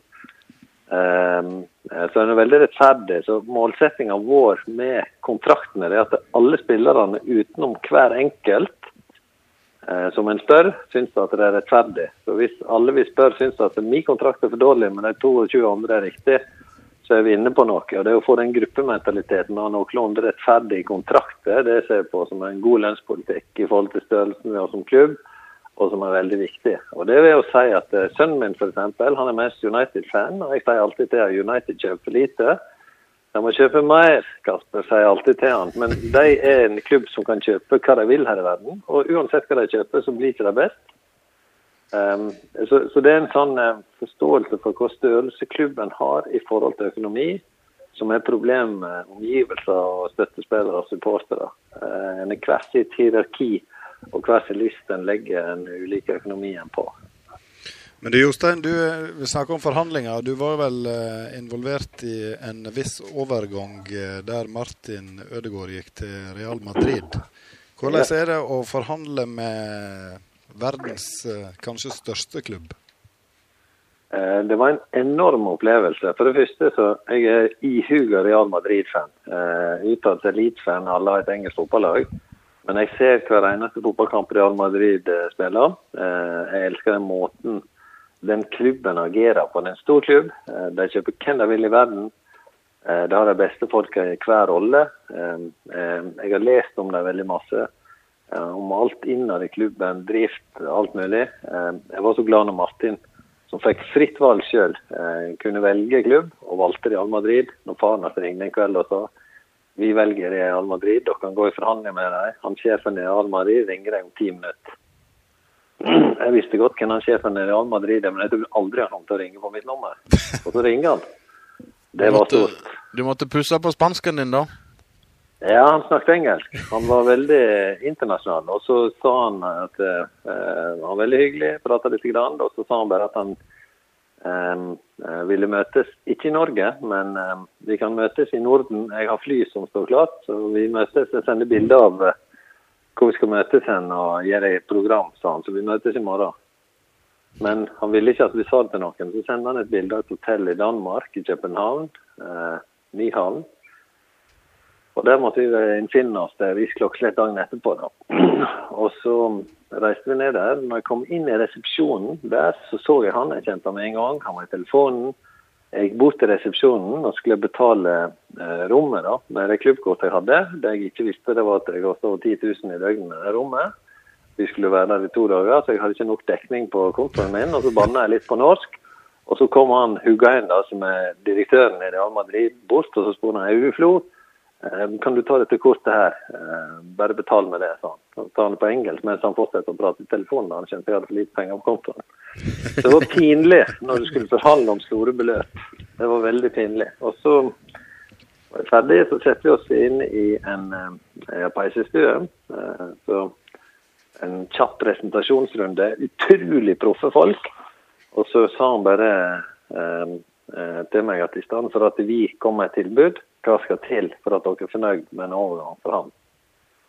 Og Så diskuterte vi, og så svarte ikke han så mye på de tingene jeg sa. og Så inviterte han på middag klokka sju om kvelden. og Da hadde han med seg en hærskare av advokater og assistenter, og så realiserte avtalen. Veldig tydelig. Fantastisk klubb å møte. Enormt. Så det var en stor eh, delegasjon de hadde med seg til Danmark, da? De avgjorde alt den kvelden, og så eh, sa han at han måtte reise tidlig dagen etterpå, for han skulle eh, kjøpe keeperen til Manchester United, De Gea. Eh, dette er over et år siden, og så skulle han til Porto og kjøpe høyrebekken deres. Han hadde litt tett program. Som de klarte å kjøpe, men jeg kunne iallfall nok fotball om Real Madrid til at vi satt og diskuterte til klokka var to-tre om natta. Eh, det flyet gikk klokka sju om morgenen. Så Så det kan, det kan være din feil at, at de ikke klarte å kjøpe DGA fra United. da. De forsov seg dagen etterpå. Eh, Jeg tror det var litt av eh, Agentene i fotball er veldig hissige, og det er veldig store krav. Og Real Madrid har sin prinsipp. Det er ikke blant de klubbene to-tre i verden som bruker mest penger, selv om en tror det. Og jeg tror de ble for dyr.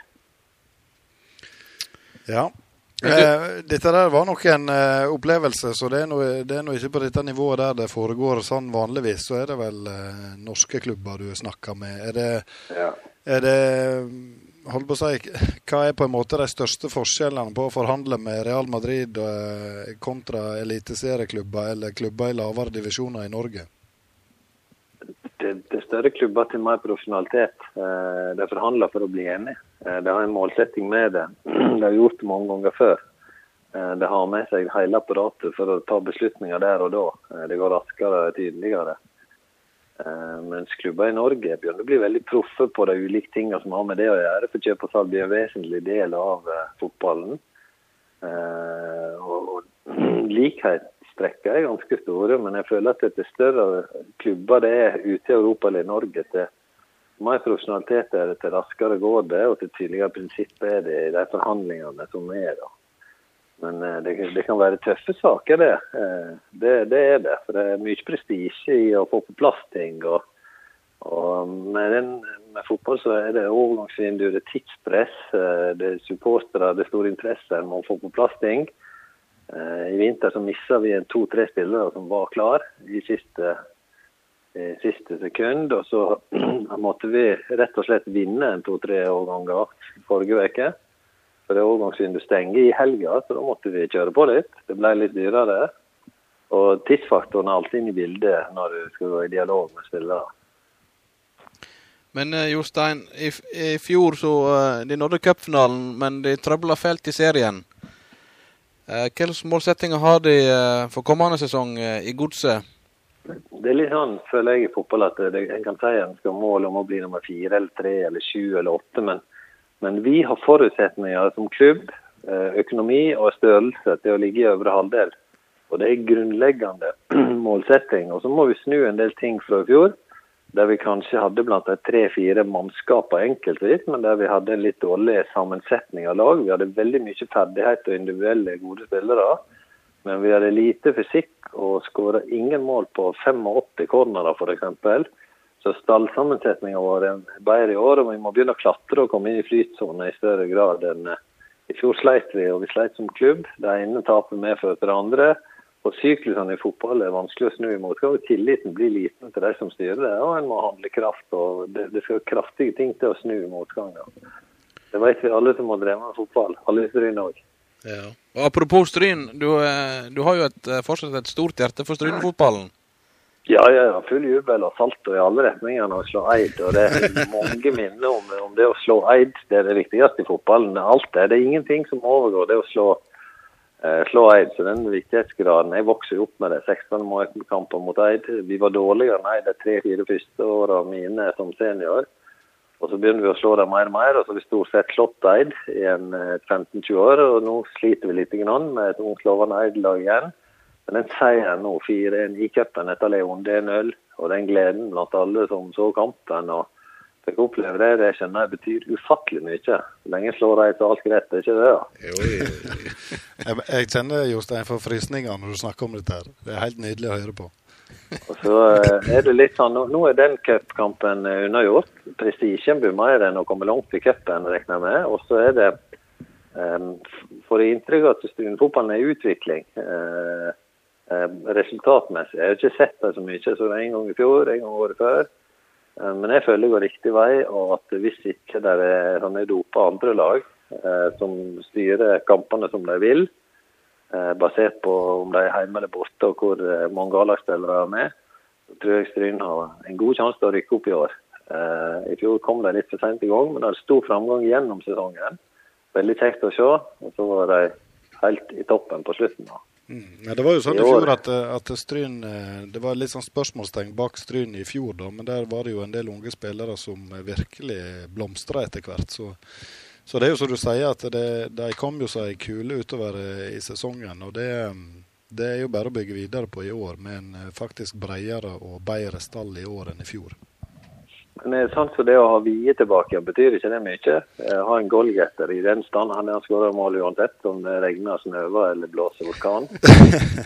Ja, han, han er jo en målskårer, men han er jo i tillegg òg en miljøskaper. Så, så det er veldig, veldig positivt at han eh, kom tilbake. Tror dere Stryn rykker opp i år, eller kan konkurrere om det? Ja, jeg tror det. Men du Jostein, eh, var du gjennom noen eh, heftige opprykkskamper den tida du spilte i Stryn på A-laget?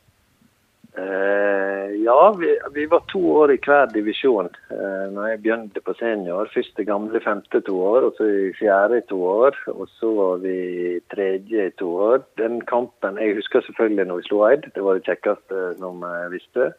Jeg husker den grønne kiosken vi slo Eid for første gang 16. mai. Da satt jeg og tok en pils etter kampen da med Mathias Hoel, faren til Arne Hoel. Og han var, det betydde så mye for han. Vi satt og smågrein litt og skåla i hans. Og det var stort. Og så husker jeg spesielt det opprykket til eh, eh, gamle andredivisjon. Eh, når vi spilte 2-2 mot Tornado eh, på Stryn. Det var så mye spenning rundt den kampen. Tornado var mye bedre på slutten. alltid prestisjefylte kamper mot Tornado. Eh, og De hadde større renommé enn oss som vi var begynt å ta over da. Det var moro. Det var, det var, var hele, det, det var mye folk på kampene. Det blir mindre og mindre, dessverre. da. Eh, Men det var en stor tid eh, når vi fikk oppleve andredivisjon i Stryn. Den beste perioden var etter at jeg forsvant. da. Men eh, det var en fin tid. Vi vokste hvert år. Masse artige kamper. Og nå har det jo blitt veldig mange år for deg i Strømsgodset. Det var vel i, tilbake i 96 du kom der som spiller, og så etter hvert, etter nesten 200 kamper, var det godt over 100 mål du skåra for Strømsgodset. Så gikk du over i administrasjon, og nå er sportssjef. Hva er det som gjør at du trives så veldig godt der nede? Kan du si noe om det? Det er, jo, det er jo fotballen først og fremst, den livsstilen og det, det presset med gang, motgang, konkurranseinstinkt. og det å holde på. Idrett er ikke noe du har 100% kontroll på. Det er mye tilfeldigheter. Det skjer mye hele tida. Du må være helg eller gæren for å holde på med det. Det er kjempemoro. Men en ting jeg savner veldig fra Østerrike-tida. Det må jeg si at sånn, nå er jo disiplin, og jeg setter regler på en del ting. Det er ikke lov alkohol etter kampen, det er ikke lov før kampen eller noen ting. Men en ting jeg savna fra de stryneturene som var veldig moro, det var disse her ferjene vi aldri rakk på heimturene på lørdagskampene. Vi rakk dem aldri. Og Da var det alltid Arne Hoel som ringte og sa vi rekker ikke ferja. Den ferja den eh, rakk ikke uansett hva tid den gikk. Vi hadde det moro på de turene. Ja, vanvittig eh, artig å vinne bortekamper med Stryn. Men det var, det var heldigvis mye ferjer, ja. Vi kom sent hjem igjen alltid. Vi hadde jo han Johan Sigurdsson som gjest her i, i første programmet vårt, og da snakket vi litt om disse der i den perioden eh, jeg var med òg. Så, så var det jo sånn til og med når vi skulle spille borte mot eh, Vard Haugesund, eller hva det var, en busstur på elleve timer, så gleda vi oss eh, voldsomt til disse turene likevel. Altså, jeg husker en gang eh, vi spilte, var det i Lærdal en bortekamp. Så, Da kom eh, vår kaptein Arne Hol med eh, bagen full av et eller annet, men han hadde fotballskoene rundt huet. Så Det er litt uvanlig. Det eneste du trenger, vi har drakt. Det er alt med. Hva var i den bagen der? Kler han? Ja, klirrer. Ja, knusbar. Men det hadde jo vært kjekt å få Stryne opp eh, Jeg vet ikke, hvis de hadde rykket opp ja, Det hadde vel ikke kommet østover uansett, sånn, sånn at du hadde hatt sjansen til å sette dem allikevel. Det er Strynkjell uansett når vi er hjemme, men, eh, Ja. men eh, det, det er jo litt eh, tilfeldig hvor de, hva slags avdelingen kommer kom i. Men det, det er mye sterkere seriesystem nå, som alle skjønner. da. Fjerdedivisjon nå er noe helt annet enn eh, Det er jo på nivå med gamle tredje og dagens tredjedivisjon på nivå med andredivisjon. Så seriesystemet er tøffere. Færre lag i hver avdeling, eh, divisjon. Eh, Men det har vært artig å få Stryn opp igjen nå. eh, Og Førde på vei nedover.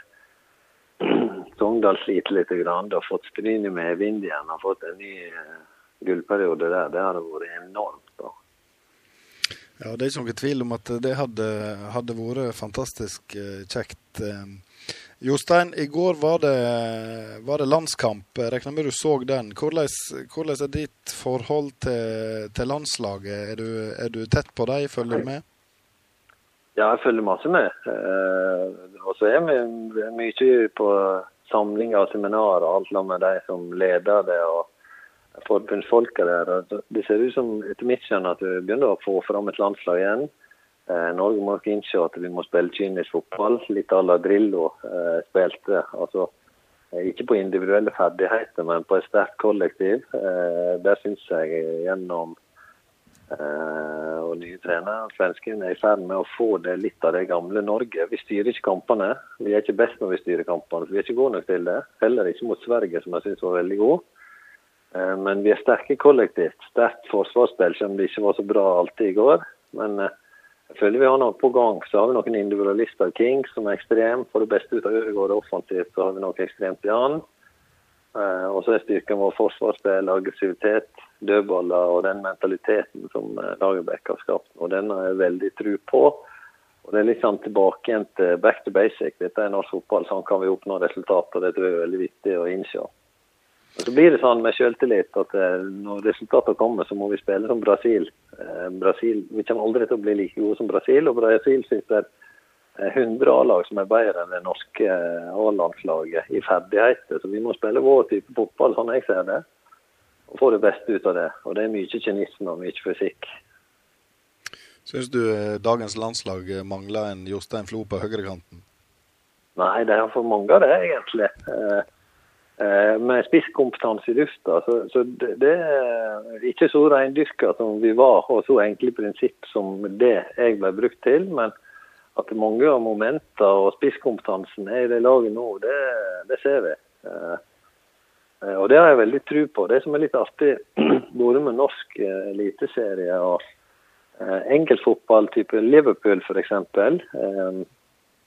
Eh, Eh, og Manchester City det er aggressiviteten og at, eh, at fysikken i fotballen er litt tilbake igjen. Eh, rask eh, gjenvinning av ball og den type ting. Eh, eh, Liverpool f.eks. måten de spiller fotball på, synes jeg er beundringsverdig, selv om jeg hater Liverpool. Uh, og det er mange nå sier vi takk til Jostein.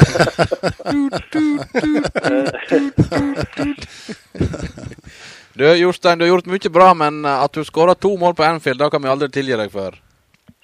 Det var veldig hyggelig. Da var det faktisk en som het Stig Nord, og så en Dvergdal, Dvergdal nei, hva han heter ja. Ja. i Sogndal. Eh, Tre-fire fotballprofiler på Sogn og Fjordane som var på besøk. Og så skulle jeg inn i Players Lounge sammen med Liverpool-spillerne etterpå. og Så ringte jeg til dem kvelden før. Jeg har alltid hata Liverpool, det vet de. Og så sa jeg at nå skal dere få hilse på alle disse Liverpool-gutta. I en Rush og alle. Og så skal de ha tapt kampen, og jeg skal ha avgjort kampen. Så snakkes vi i morgen. Og så ble det en realitet. Ja. På bussen tilbake igjen så ble jeg kasta av. Er du kasta av? Ja, spillerne satt og drakk øl, og så var det kamp mot Arsenal tre dager etterpå. Så skulle jeg være litt tøff. Så syntes jeg at det var ikke riktig at de feira en seier mot Liverpool med å drikke øl. Og Da ble jeg kasta av bussen. Så var det sånn hedda bedda, gå tilbake igjen. Så du ble kasta av bussen fordi at du ikke drakk pils?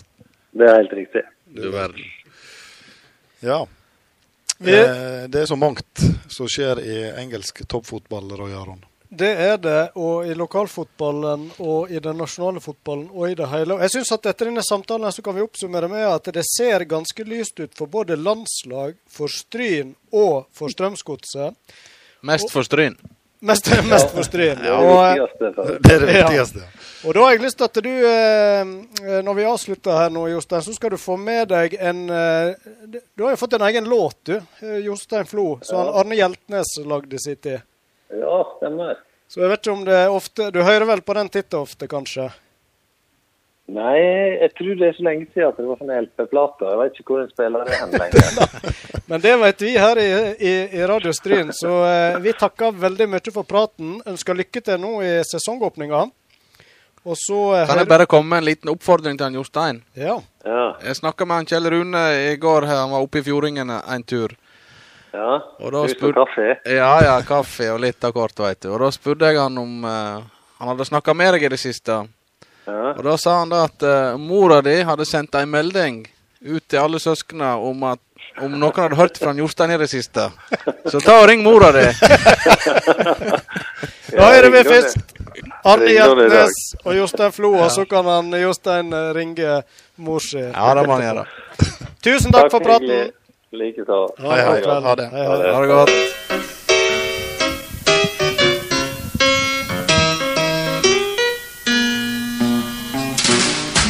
Drillo plukka elleve mann. Var Jostein ein som han fant. Blond og rå, lang som få. Klar i toppen og lett på tå.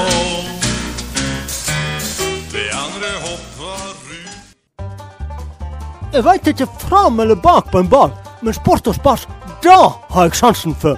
Sport og spas, prat og fjas, moro. Dette her er grådig stas. Sann. Nå eh, skal vi spole tida tilbake til rundt 1990. og eh, Da var det en kar fra Stryn som begynte å markere seg som en veldig god eh, skytter, baneskytter. Og da skal vi ønske velkommen til han, Hans Petter Riise, som er med oss på telefon. Ja, hei, hei. God kveld til deg.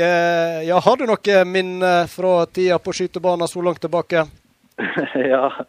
Ja, det har jeg nå. Det har jeg holdt nå på med det lenge. Men, eh, men det er nå blitt å bli en stund siden. Det er det. Du er ikke like treffsikker i dag, Hans Petter. Å ja, jo da. Det, det, det regner jeg med.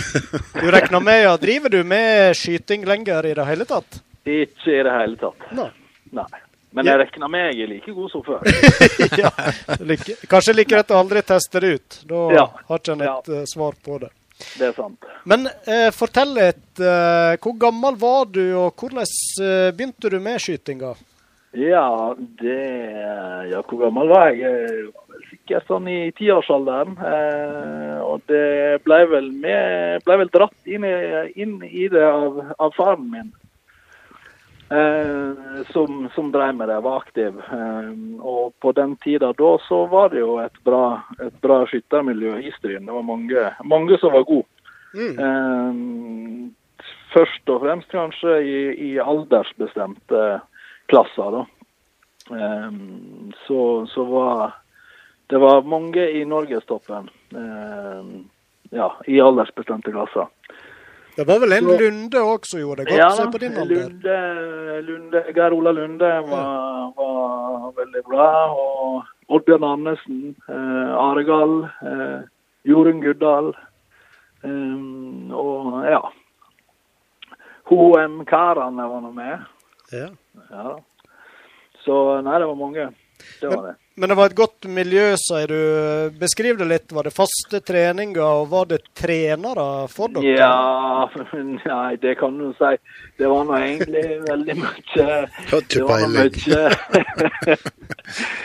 Nei, det var nå mye egentlig individuelt og litt hva du gjorde til sjøl. Eh, sånn, eh, det var nå egentlig ikke sånn veldig profesjonelt eh, lagt opp med, med trenere eh, som sa hva du skulle gjøre, egentlig. Eh, det var nå egentlig eh, mer Men det var jo klart, det var jo treninger der du der du kom og skjøt, og, og, eh, men så veldig mye instruksjoner og sånn var det jo egentlig ikke. Men hva så Men det var, vi var vel bedre enn instruktørene. ja. Ikke bruk for det likevel. Nei. Men hva du tror da, Hans Petter, som eh, gjorde deg eh, til en god skytter? Eh, nei, det var vel et enormt talent, regner jeg med. ja. I all beskjedenhet. I all beskjedenhet. Uh, nei, og så eh, Nei, det er jo noe trening, da. Eh, det er klart, du må nå ha Det må nå Jeg må nå like å, å vinne. Eh, og hate å tape. Mm. Og da er nå det en drivkraft for å trene. Hvor mye tid brukte du på dette her i veka? Nei, skal vi se det, ja, Hvor masse tid brukte en, da? Eh, nei, det var ikke sånn at det tok fryktelig mye tid. Men eh, jeg kan tenke meg at det kanskje tok en eh, fem-seks timer i veka sånn i trening. Så, men eh, det som virkelig tok tid, det var nå egentlig Det her tok jo alle helger, da. Nesten iallfall hele sommerhalvåret. Så eh, Der en reiste land og strand på konkurranser. Så så eh, det tok jo, tok jo mye tid sånn sett. Det gjorde det. Hvor lenge, hvor lenge holdt du på sånn i alder før du ga deg? Jeg var jeg, Skal vi se jeg, jeg tror jeg holdt på til jeg var 20 år. Ja. Så da jeg og du jobba som dørvakter på gode gamle Basecamp, da, var, Ja. da hadde du lagt opp? Da hadde jeg lagt opp, eh, så da hadde jeg, eh, da hadde jeg tid eh, til andre ting i helgene. Ja. Vi hadde jo en, en litt artig episode der vi fant ut at dørvakter òg må ete lunsj. Eller Ja, ete niste. Du husker det? Det husker jeg veldig godt. Ja, det var i påske, og køen eh, vaks og vaks eh, nede fra trappa på Basecamp der, da vi hang over kjettingen, satte oss ned og åt eh, det vi hadde smurt med oss da av nistemat. Det gjorde vi. Og- Det var ikke populært i køen. Eh, nei, men samtidig så ble jo folk veldig nysgjerrige på hvorfor det var så lang kø. Det, så, så det var jo litt sånn selvforsterkende. Eh, Det dro jo ekstra folk til det. ja, det gjorde kanskje det. Ja, ja, det, det gjorde nok det. Men Hans Petter, eh, vi må litt inn på resultatene òg, som gjør Ja. at vi, vi har dratt deg fram fra arkivet. Og før du havna som dørvakt eh, på Basecamp, så eh, fikk du jo noen eh, ganske flotte resultat, eh, hevder jeg, helt i landstoppen. Å ja, å ja da. Eh, ja, det var Ja, jeg var nå jeg var nå bra. Jeg var det. Men eh, som sagt, det var nå det, Jeg liker jo å vinne. Ja, men fortell litt eh, hva type konkurranser var du med på? Eh, Landsskytterstevne er kanskje der du gjorde det sværest? Ja, eller det er klart det er noe Ja, jeg vant jo, jeg vant jo juniorklassen i Skal vi se, på Oppdal Um, i Ja, hva tid var det? 90, ja, jeg tror det var 92. Ja, det var iallfall juniorklassen. da, Så da ble jeg jo norgesmester. Og det er nå det, er noe det sværeste, da. Ja. Ja. Så, ehm, så Og det er klart, landsskytterstevne, det var nå det var nå årets mål. Ehm, men det var ikke alltid at det Det er liksom eh, Det er mange om beinet, og selv om Selv om eh, det er nå liksom ikke den største idretten, tenker folk flest, så var det Jeg husker juniorklassen min, så var det, det var jo 600 med i, i, eh, i klassen min da, i, på landsskytterstevnet. Yes. Så, så det er jo mange, mange om beinet. Hvor glad var du da, når du vant den klassen? Nei, da var jeg eh, Da var jeg glad. Det var det. da, var jeg, jeg sånn som jeg du er når Liverpool vinner. Ja, er da er jeg sånn skikkelig glad, da. Ja, ja, sånn helt uh, kjempeglad.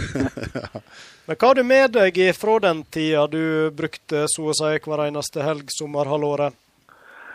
Ja Nei, det er vel ikke sånn eh, Ja, si det. Jeg blir god på, uh, god på geografi. ja. ja. Det er jo, det er jo noe. Ja, og så eh, Og det er jo visst, Jeg og Frank snakket jo mye om hyen når vi var eh, dørvakter. Eh, og det er jo på en måte en plass jeg sannsynligvis aldri hadde vært. Hadde ikke vært for at jeg drev med skyting. Men i hyen var jeg mange ganger på skyting. Men når du ga deg når du var 20 år, sa du, var det, var det mangel på motivasjon? Hadde du oppnådd det du kunne oppnå? Nei, men eh, det var liksom eh, Klart, da hadde jeg jo på en måte vært vært i norgestoppen i aldersbestemte klasser. Eh, og var da senior og hadde skutt senior, og det gikk jo egentlig bra, det. Ja, hva Men, eh, hva men, klarte eh, du der? Nei um, Ja, hva klarte jeg der? Eh, nei, jeg tror jeg ble samlagsmester det siste, siste konkurransen jeg skjøt. Så det jeg, vil kanskje ikke kalle det å gi seg på topp, men eh, det er nå det er nå ikke så verst heller. Mm. Eh, nei, men eh, det var jo sånn, altså hvis du skal være i norgestoppen, da, så må du jo du må jo virkelig bruke veldig mye tid på det. Eh, og, og så er det noe sånn eh, Om du er i norgestoppen i skyting, så hvem bryr seg? Egentlig. sant?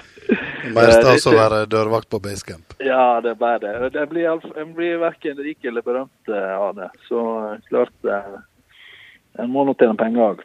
Og nå må en ha utdannelse og, og sånn. Og så ja. ser en fort at det er andre ting som er kjekt å bruke tid på òg. Hva driver han Hans Petter med i dag, da? Nei, i dag er det jobb og familie. Det, det, det er nå stort sett det tida går til. Uh, spilt, spilt fotball i kveld. Det er nå én gang i veka, men uh, det er ikke noe mer enn det. Fikk du strekk? Nei, jeg fikk ei lårhøne. Ja, ja. Men jeg ga noen òg. ja, ja. Og ryktene vi hadde til du driver en eh, dyreklinikk? Ja, det gjør jeg. Eller jeg driver ti, faktisk. Oi! Ja. Så eh, ja, jeg er dyrlege, og, eh, og jeg har starta å la med, la med flere, da. Så vi starta ja, vi starta en klinikk først, men nå har det blitt ti. Da, så vi har noe vi har noe å drive med. En kjede, rett og slett? Dyreklinikk? Det, ja, Det, det er det. Disse klinikkene, hva de ligger hen eh, plassert i landet? De er i Oslo eh, og Romerike. Så eh, ja, jeg bor i Oslo. Så det er mange dyr som trenger hjelp i området her nede. da. Det er det. Er det. Nå har han Frank fått seg bikkje òg, veit du, så Har han det? Ja da. ja vel. Å ja, vi har en liten chihuahua. Veske, veskehund. Det måtte det være. Eneste mangler er væske. Ja ja. Det trenger ikke du. Du nevner fotball her eh, en gang i veka. Idrett, betyr det noe for deg i dag? Ja, ja, det er nå det. Så eh, ja, fotball det er noe, det er noe kjekt. og det er noe må nå holde seg i form òg også, men eh, Ja, så det er fotball og ski. Står mye på ski. Eh, så, men det har nå blitt litt mindre med det òg når en har blitt fått unger da, som er små. Mm. Så nå er det egentlig mer, mer å få dem til å, å komme seg på ski. Hva er vanskeligst, Å motivere seg sjøl til å komme seg ut til lungene? Nei, det er ikke vanskelig i det hele tatt, det. Eh, noen av delene. Godt å høre. Veldig kjekt du eh, ville være med oss på Sport om spas-sending direkte på Radio Stryn. Det er ikke hver dag. Nei, det er ikke hver dag. Det, det må jeg si. Jeg tenker det var, første det var tenker det var første gangen. Det eh, At jeg har vært på Radio Stryn? Ja. Live. Nei, nei, nei. nei. Det, men det er nå Nei, det var nå i de tider jeg drev med skyting. Da var jeg vel på Radiostryn Og ja, det var nå det. Men jeg, eh, jeg var ikke helt sikker på om Radio Stryn fantes lenger. Det gjør det. Det gjør det. Til og med podkast i disse moderne tider. Ja. Så da kan du høre deg sjøl eh, seinere, når det høver på en Det eh, kommer jeg til å elske. Vi lar det bli de siste ordene, vi, Hans Petter. Og så takker vi for en eh, hyggelig prat en eh, onsdagskveld. Og lykke til videre med både fotball og lårhøne og hverdagen ellers på Takk, dyreklinikken. takk for det. Det var, det var kjekt. Vi må repetere konkurransen. Kjell Rune Flo. Han har spilt på en norsk eliteserieklubb i fotball.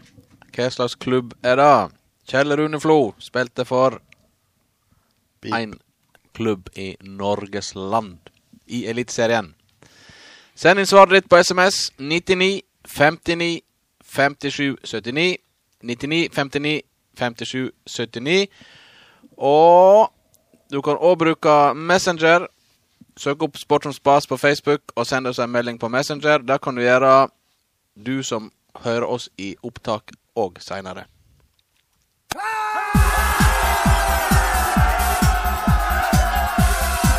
Vi presenterer kveldens blodfan.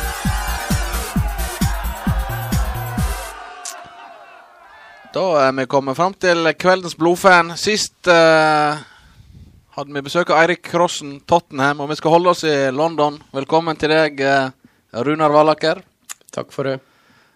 Og du, eh, trass din unge alder, så har du eh, et lag som du eh, føler ekstra nøye med. Ja, det har jeg, og eh, det er nå vel eh, den eh, Ja, hva skal jeg si da? Nemesisen til Tottenham, kanskje. Ja. Så eh, det er nå Arsenal jeg har holdt med siden jeg var liten. Ja. Nå veit jeg at far din, han Terje, han, han er Derby. Det stemmer. Så du har ikke, du har ikke tatt opp den tråden? Nei, de har vel ikke vært så gode siden 70-tallet. Var det vel de var oppe og nikka litt. Men eh, Det var vel lenge før din tid? eh, ja. Det må jeg kunne si. Ja. Men Arsenal eh, Det er jo du og kong Olav. Det var jo klubben til kong Olav i sin tid. Visste du det, Frank? Nei, det var ny informasjon for meg. Ja, nei, han var Om han var lidenskapelig, det vet jeg ikke om jeg skal si det, men han var i hvert fall Arsenal-supporter. Men hva, eh, hva var det som fascinerte deg med, med den klubben, Runar? Nei, det det var nå det at jeg hadde nå eh, På sett og vis så ble nå jeg på en måte født inn i det. Eh, Jeg har en onkel nede i Førde som eh, er veldig ivrig Arsenal-supporter, så han eh, Jeg husker ikke helt om det var til dåpsgave eller om det hva det var for noe, men jeg fikk iallfall Jeg ble iallfall medlem i Arsenal sin supporterklubb i Norge allerede da. Da var det for seint å snu. Ja. Det, det er nå sånn at en velger nå et lag, og så blir det med det. Ja. det stemmer. Eh, men det er jo klart eh, eh, Da jeg begynte å bli litt voksnere og kunne huske litt, da, så ble jeg veldig imponert over han Thierry Henry. Og jeg syns nå det at eh, han kanskje Det er nå mange som sier at han kanskje var, var den beste fotballspilleren som har vært i Premier League fra utlandet, iallfall offensivt. da. Så eh, han eh, fascinerte meg, da. Ja. ja, Arsenal har jo hatt en eh, god del eh, gode spillere opp igjennom, og de dominerte jo tidlig 2000-tall. og Hadde vel en sesong der de gikk gjennom serien uten tap. Ja, det hadde de. Det hadde riktignok elleve uavgjort, hvis jeg ikke husker feil. Ja. Men eh, det er ganske solide greier. Så det gikk vel Jeg lurer på om det var 44 kamper Ja. til sammen, da, hvis en ser over to sesonger. Ja. Hvis jeg ikke husker feil. Og du, du har jo bare opplevd én en eh, Arsenal-manager fram til denne sesongen her. Ja, det stemmer. Arsen Wenger, var det på tide at han tok hatten sin og gikk? Ja, på sett og vis var det det, men en må nå huske på det at når du har klart å kvalifisere eh, Arsenal eh, siste eh, var det 18 år på rad til Champions League, så vil jeg si det at det er ganske godt gjort. Eh, Men det er klart at de seneste åra så har det vel vært litt eh, ja, så som så med resultatene, da. De har ikke klart å verken eh, vunnet noen titler annet enn FA-cupen og litt sånn. Det, noe, det henger nå bra høyt, det òg, men eh, en forventer nå gjerne at en kanskje kommer bra langt i Champions League og er med helt opp i toppen i Premier League òg. Ja. Men uh, har du vært borte på Emirates og sett eh, laget i aksjon? Ja, det har jeg vært noen ganger nå. Jeg eh, skal faktisk nå til helga igjen. Ja vel? Så jeg var nå eh, Sist så var jeg eh, og så Arsenal eh, Manchester City, og det var ikke så veldig kjekt. Det var i august, åpningskampen til han Unai Emery. Det var vel 0-2, var ikke det da? Det stemmer. Ja da. Kunne fort vært mye mer. Ja. Det var, det var litt begredelig, men samtidig så er jo det veldig kjekt å kunne vært der og si at jeg var på første kampen hans, og forhåpentligvis så gjør han det så bra at han får sitte i mange år framover. Hvem er, det, hvem er det Arsenal har nå til helga? Det er Newcastle. Det er en eh, mandagskamp eh, hjemme, selvsagt. Men det, det er klart det er Ja. Rafael Benitez. Han er en luring. Han er luring. Han er eh, rutinert eh, manager, så en, et veldig stort navn i en ja, hva skal jeg si, forholdsvis middelmådig Premier League-klubb sånn per dags dato. Vi snakket vel om det sist eh, sending, at han er den største stjerna de har i Newcastle. Ja, han er vel, han er vel kanskje det. Ja. Men det blir jo en, eh, det blir jo en heimeseier der, Runar. Jo, det blir nok det. Det må det være. Eller, Aubameyang han springer vel inn et par mål. Får håpe det. Han og han, eh, eh, når de starta i lag, så, og Øtzil òg for så vidt, så har det vist seg at det har gått ganske bra. Men når du skal på en sånn eh, fotballtur som du skal til helga, er det stramt program, eller hvordan legger en opp en sånn helg? Skal en ha maks ut av dagene, eller er det kun fotballkampen som gjelder? Nei, vi har nå gjort eh, Jeg skal reise sammen med to eh, kompiser, da. Så vi har gjort det litt, litt stramt for oss sjøl. For vi tar fly eh, lørdags morgen, og så skal vi til Crystal Palace, eller til Selver's Park og se en kamp der òg, siden det Ja. Siden det er lørdag og mandag, da, eh, som er Arsenal-kampen. Og så eh, har vi vel ikke lagt noe mer planer enn det, men eh, Det er vel bare å finne seg en pub. ja. Det, det går helt fint. Det tror jeg det er nok av. En og annen å velge i der, ja. Det er det. Det er ikke så mange musicals du har lagt inn i programmet, skjønner jeg. Nei, jeg veit ikke helt om det er noe som interesserer de hine så voldsomt. Men, eh, Men du er jo glad i å synge, og det er vel ikke helt vekke for deg å kanskje og, Nei, jeg kunne godt tenkt meg det, men jeg har ikke nevnt det før deg. så det, du får nå se hvis jeg, eh, hvis jeg er så heldig. Så det, det går an å dele seg òg. Ja. Men nå er det jo eh, Det er jo topp fire. Det er jo, er jo det, det som gjelder det i, i Premier League. Og det er vel ikke noe hemmelighet at Arsenal må være blant topp fire i år. De bør helst være det, og utgangspunktet ser ganske bra ut nå. Eh, Det er klart det er veldig tett, og eh, det er noe Altså, de, for den slags skyld så kan de fort havne ned på sjette-sjuendeplass òg, sånn som det ser ut nå. Men de kan òg komme opp på en eh, tredjeplass òg. Ja. Eh, Så det er veldig tett, da. Men eh, ut ifra kampprogrammet så ser det ut som at det kanskje er Arsenal som har de letteste lagene igjen å møte. Men samtidig, det er ikke noe kjekt å møte lag som eh, kanskje sliter litt ned i bunnen og må ha poeng for å kunne holde seg i Premier League òg. Nei, det er ikke noe selv særlig å møte De som kjemper for livet nå på slutten. Nei. Det er helt sikkert. Ehm, du snakket om uh, Aubameyang og Lacassette. Er det andre spillere som uh, fascinerer deg i dagens mannskap? Ja, der er, altså der er nå eh, et par eh, stykker til. Jeg må nå si det at han eh, Guendouzi, en ung franskmann som egentlig bare var tatt inn som en slags ungdomsspiller i år. Han fikk prøve seg litt når de var nede i Malaysia i var det juli, det, sent juli, tidlig august. Han er ikke mer enn eh, 19 år gammel, og han ser ut til å kunne klare å kanskje spille seg inn fast nå. Så klart han Bernt Leno har imponert meg, iallfall nå eh, siste par månedene, og vist seg å kunne være blant de beste keeperne i Premier League. Og Han starta jo på benken i starten av sesongen. Ja, det gjorde han. Det var gode, gamle Kjekk, Så ja. Han legger opp nå. han gjør eh, sikkert det. Ja, jeg, jeg har hørt rykte om Ja. det. Du Frank, har du sett på Arsenal noen gang? Ja. Annet enn på TV? Arsenal har jo alltid vært et eh, lag som jeg har syntes har vært morsomt å se på. Da. Du nevnte jo Thierry Henry og den perioden han herja. Og så tidligere så var det jo eh, eh, Dennis Bergkamp. Eh, husker Ian Wright spilte spiss på Arsenal. Så det har alltid vært underholdende og artige spillere på Arsenal å se på. Da.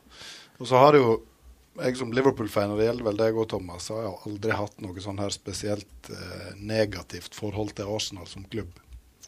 Det Nei, mer- det er vel eneste den gangen de slo Liverpool Ja. på, på overtid og vant ligaen. eh, Det var ikke helt bra. Det var ikke helt bra, men eh, det er jo ikke en, en sånn tradisjonell rival av Liverpool. Ja. Ironien var jo at Liverpool kjøpte matchvinneren fra den kampen. Han ble en flopp. Ikke uventa. Michael Thomas. Michael Thomas, ja. ja. Men disse klubbene, Runa, de har jo litt sånn ulike særegenheter. og Hva tenker du er ånda i Arsenal, hvis du skal beskrive den? Hva er det på en måte som Er det noe spesielt med den klubben, tenker du? Jeg vil si det at kanskje Arsenal i forskjell til en del andre av de, hvis jeg skal snakke om en topp fem, topp seks-lag i Premier League, så er de mer trufaste mot eh, Eller de har mer tillit. Og jeg tror det er større, større tålmodighet eh, overfor eh, managere kanskje som kommer. Og det, det har nå vist seg, på en måte. De hadde nå en litt sånn trøblete periode før han Arsene Wenger kom, da, men eh, forrige manageren der er han òg satt i mange år. Eh, så de, jeg føler at de har et at det er et litt fornuftig syn da, på, på fotball og sånt. Og at eh, du kan ikke bare bygge en klubb ut ifra kjøpespillere nødvendigvis, men du må, du må ha ressursene der i form av trenere og støtteapparat rundt for å kunne få resultater. da. Eh, Så det er det jeg på en måte forbinder med Arsenal, som kan være litt ulikt med sånn som fotballen er i ferd med å utvikle seg nå, da, blant eh, de som skal hevde seg helt i toppen. Nå har det seg slik at eh, Arsenal eh, ligger nå på eh, fjerde, femteplass. Fjerdeplass. Og som du sa, så er det veldig tett. Eh, hvis Arsenal nå ikke skulle få Champions League Nå kan det hende de vinner Europaligaen, da. Det kan hende. Det er en liten bakvei inn, i, inn i Champions League. Mm. Men eh, Arsenal vil vel være et topplag i overskuelig framtid? Ja, jeg vil tro det.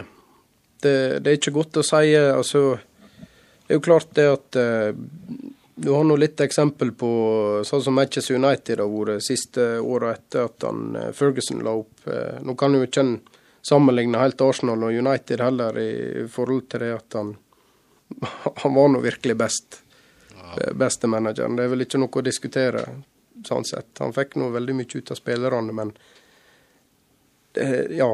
Det, det, er klart det er klart det at når det er nye som skal inn, eh, og helt ny trener og nye ny, nytt støtteapparat og alt rundt, så må en iallfall vise han litt tillit og tiltro til at han kan bygge et lag eller bygge en slags kultur som, eh, og en spillestil som eh, gjør at resultatene kommer. Ja.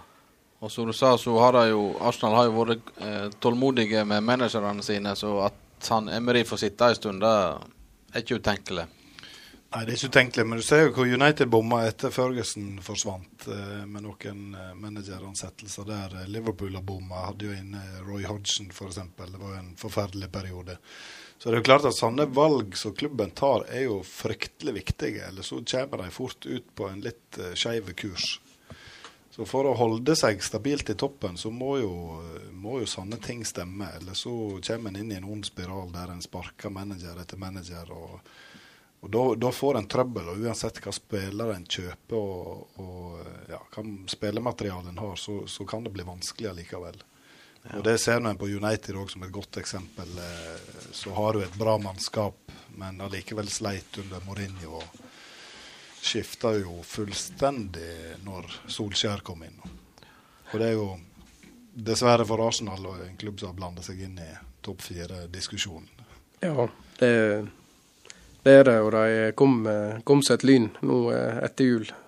Ja. Så det er voldsomt. Men eh, det var, heldigvis var det Arsenal som kanskje gjorde til at de fikk beina litt ned på bakken igjen. ja, spørs det. Men hva er høydepunkter fra disse åra som supporter? Eh, hvis en går litt tilbake i tid, så må jeg si det at eh, et av de store høydepunktene var når det en eh, spilte mot eh, Barcelona i Champions League-finalen. League eh, men det er klart høydepunktene med å være supporter er jo å være på turene og sett dem. Og vært vært i London. og det er jo ikke Ja ja, en er nå der for fotballen òg, men det er jo en fantastisk by feriere i. Så, så er nå det alle disse små øyeblikkene der de faktisk spiller veldig fin fotball det eh, var vel mot jeg eh, ikke, Norwich for noen år siden. og de eh, lurer på, Det var sikkert tolv ballberøringer i løpet av bare noen sekunder. og Flere helspark. og så, ja, Jeg vet ikke, sydde seg gjennom Forsvaret. og så de har, har noen sånne øyeblikk som gjør til at du er veldig, ja, liker dem veldig godt. Eh, så, jeg, eh, så jeg veit ikke helt om det er noen sånn kjempestore øyeblikk utover reisen og Champions League-finalen og når de har spilt veldig gode kamper, men det er av og til så skjer det noe magi utpå der som jeg det, tror det er at det er ikke alle lag som har de evnene, da til å kunne gjøre det, men uh, av og til er det litt langt mellom hver gang. Det kan jo hende at han, eh, Terje, far din, uh, sliter litt med å lete etter sånne øyeblikk i Derby. ja. Han må huske godt. Ja. ja, det må han. Jeg, lurer meg på om det er helt tilbake på uh, midten av 70-tallet de kanskje vant ligacupen eller noe sånt, eller var oppe og ja, gjorde det litt skarpt. Men er det noe Arsenal-miljø å snakke om i Stryn, eller er du en ensom svale? Eh, både ja og nei. Ja. Eh, de, eh, her er nå et par stykker da, eh, nå. Eh, så vi bruker nå å samles eh, og se Arsenal-kampene. Men noen av de på min alder de bor nå vekke. Så når de er her, så er vi en del. Og når de er vekke, så er vi få, men uh, det er gode supportere. Ja, det er godt å høre. Dere er vel på sosiale medier da, mens kampene går, og utveksler litt synspunkt kanskje der? Ja. Det er av og til jeg uh, har vært litt stygge stygg med en kar, for jeg har jeg ligger litt føre, for han ser på nettet. Ja. så, jeg, så jeg av og til har vært litt snart ute med føre, liksom. ja, ja, noe sånt. Så jeg av og til har vært litt snart ute med å sende en melding. Ja. Om noe, Så da er ikke det så kjekt. Så kommer skåringa på TV-en eh, rett etterpå. Jeg, da han har fått meldinger. Så det ja. Brent deg litt? Hvem er, hvem er det dette her har gått utover? Kan du si det på, eh, holdt på å si riksdekkende radio? Nei, det er nå, det er noen uh, Edvard Eikenes. Og, Mr. Eikenes ja, himself, ja. Ja, og så er han uh, Ole Myklebust. Mm. Det, ja. Det er nå de som eh, De skal han på tur med nå for øvrig òg til helga. Så det blir veldig kjekt. Da må vi nå håpe på at uh, Vi må håpe på en seier for den Runar nå uh, på mandag. Da. Så storsinna skal vi være, Frank. Og Roy Aron. Ja, nei, det Arsenal må gjerne slå Newcastle. Det betyr ingenting for tittelkampen i Premier League likevel. Men da tror jeg vi skal ønske han eh, Runar en god tur eh, til helga. Så skal vi sende med ei T-skjorte. Og hvis det skulle gå veldig dårlig på denne kampen, så kan du kan drage på deg den eh, sånn et stykke uti hvis det ser mørkt ut. Så. Må du ta godt vare på han Edvard Eikenes. det skal jeg gjøre. Jeg tenker du er en stødig reiseleder. Vi får, vi får tro det. Ja. Tusen takk for at du tok turen, Runar. Og så eh, skal vi begynne å runde så smått av, men vi har et par eh, småposter til. Og eh, jeg tenker vi skal Vi var så, vidt i gang med ord og uttrykk fra sportsverden her i stad, Frank Hol, men vi spanderer på oss den jingelen en gang til. Den er så flott. Sitat, ord og uttrykk fra sportens verden som du nå får servert, enten du vil eller ei, ved Frank Hol. Ja, det var litt eh, tekniske utfordringer for oss i stad, så da måtte vi hive oss litt eh, rundt. Men nå eh, skal lektor Hol få lov å slippe til på det han var så vidt begynte på. Vi kan jo forsvare oss sjøl med å si at vi pirra lyerne litt grann i stad. ja. um, men så fikk vi tak i en Jostein, og så måtte vi ta en prat med han. Ehm, dagens uttrykk, det er å være i sitt ess. Å være i sitt nå, ess. Nå sitter her tre, tre karer med mye kompetanse på ord og uttrykk. Veit Vet dere hva det kommer ifra? Runar? Mm, nei. Skal vi tilbake Ikke- til middelalderen igjen? Jeg er ikke noe voldsomme på dette der, men eh, jeg, jeg har alltid assosiert det med kort. Ja, kortspill. Eh, og det, det er på en måte der jeg har det av, at det beste kortet i kortstokken, det er en S. Ja. Ja. Det er jo naturlig å tro.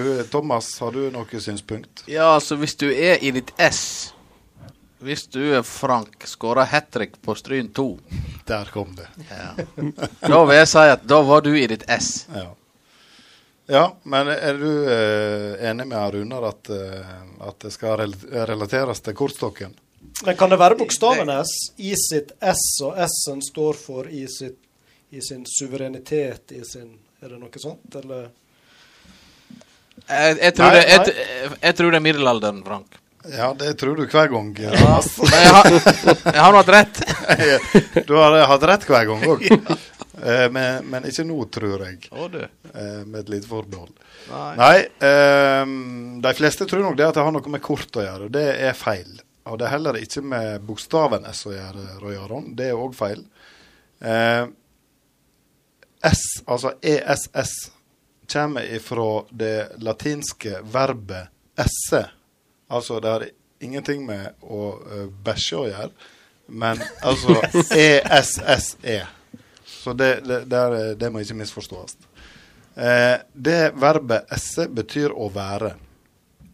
Å være i sitt ess betyr derfor å, å, Å være være, være. seg sjøl, egentlig. Å, ja. Å være identisk med seg sjøl.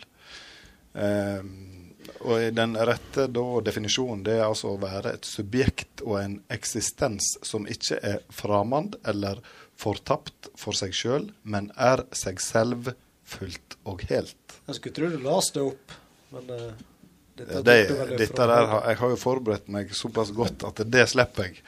Men uh, Men eh, som sagt, da, så å være i sitt ess, da tenker vi at da er vi helt eh, oppe der på vårt aller høyeste nivå. Ja. Men egentlig så betyr det å være seg sjøl. Så hvis du har eh, veldig høye tanker, eller ja, tanker om deg sjøl, så, så er det der du hører hjemme. Du er liksom i flytsona på en måte òg, du Ja, det, det er jo riktig. Men jeg òg, før jeg eh, begynte å eh, grave litt i dette her, så trodde jo jeg òg at det hadde med kortstokken å gjøre. Så, eh, så, så der, Runar, var vi egentlig helt enige, men vi tok feil. Begge Vi lærer stadig, og glad er vi for å ha en uh, lektor blant oss. Uh, da tror jeg vi skal kåre en uh, dagens vinner, Thomas. Skal vi det? Nei. Jeg stemmer imot. Skal ikke vi det? Nei. Nei. Vi skal jo ha med oss folket i opptak, vet du. Ja, riktig! Her eh, det er godt det er noen som uh, husker hva som blir sagt før i sendinga. Det begynner å bli seint på kveld. Ja. Vinneren den uh, kårer vi om 14 dager. den. Yes. Så, Er, er det eh, fare for at dette her blir klippet vekk fra podkasten, eller blir det med, tror du? Nei da, jeg tror vi tar det med. Vi er vel ganske sånn uh, folkelige og tar det litt avslappa. Litt sånn snakke feil og uh, Dette må med. det. Dette må med. Nei, absolutt. Eh, det var ny vri i dag, ja. Det var Ja jeg som kom på den, og det var jeg som glemte den, men i alle fall. Det var ikke ditt S der. Nei, absolutt ikke mitt S. Men her kan folk sende inn til og med neste onsdag eh, på dagtid. Og så kårer vi en vinner da om eh, 14 dager, som sagt. Så da er det bare å sende inn. Vi kan jo gjenta spørsmålet, da, om. Spørsmålet var hva slags klubb Kjell Rune Flo har spilt for i norsk eliteserie i fotball. Da er det bare å eh, gruble på den, og så begynner vi å eh, takke av eh, her ifra Sport og Spas studio. Veldig glad for at han Runar Valaker eh, tok turen til oss i kveld. Seint på kvelden en onsdag og skole i morgen, men det håper vi går bra. Kjekt å være her. Og så har vi òg hatt med oss to kjekke karer fra Østlandet. Stryninga rett nå kan Hans Petter Riise, som vi hadde gravd fram fra Sportsarkivet. Tidligere storskytter fra Stryn. Og han eh, Jostein Flo, sportssjef i Strømsgodset, som nå gleder seg til seriestart. Og vi har òg ikke minst hatt med hovedgjestene. Det var han Simon Hjelmeset Kirkeide og han Sigbjørn Faren. Sigbjørn Kirkeide som var i studio og prata litt om eh, det å drive skiskyting og være en aktiv familie. Vi takker for studio ved min venstre side. Thomas Taule. Og ved min høyre side. Frank Hol. Og ved min venstre side Roy Aron Myklebust. Og bak han, eh, Frank Hoel, så har vi vår dyktige, eminente tekniker, stødig kar som eh, loser oss trygt gjennom sendingene, Ove André Årskog. Tusen takk til han. Vi sier òg tusen takk til alle som hører på oss, og eh, vi høres igjen om to uker. Hei, hei. Hei da.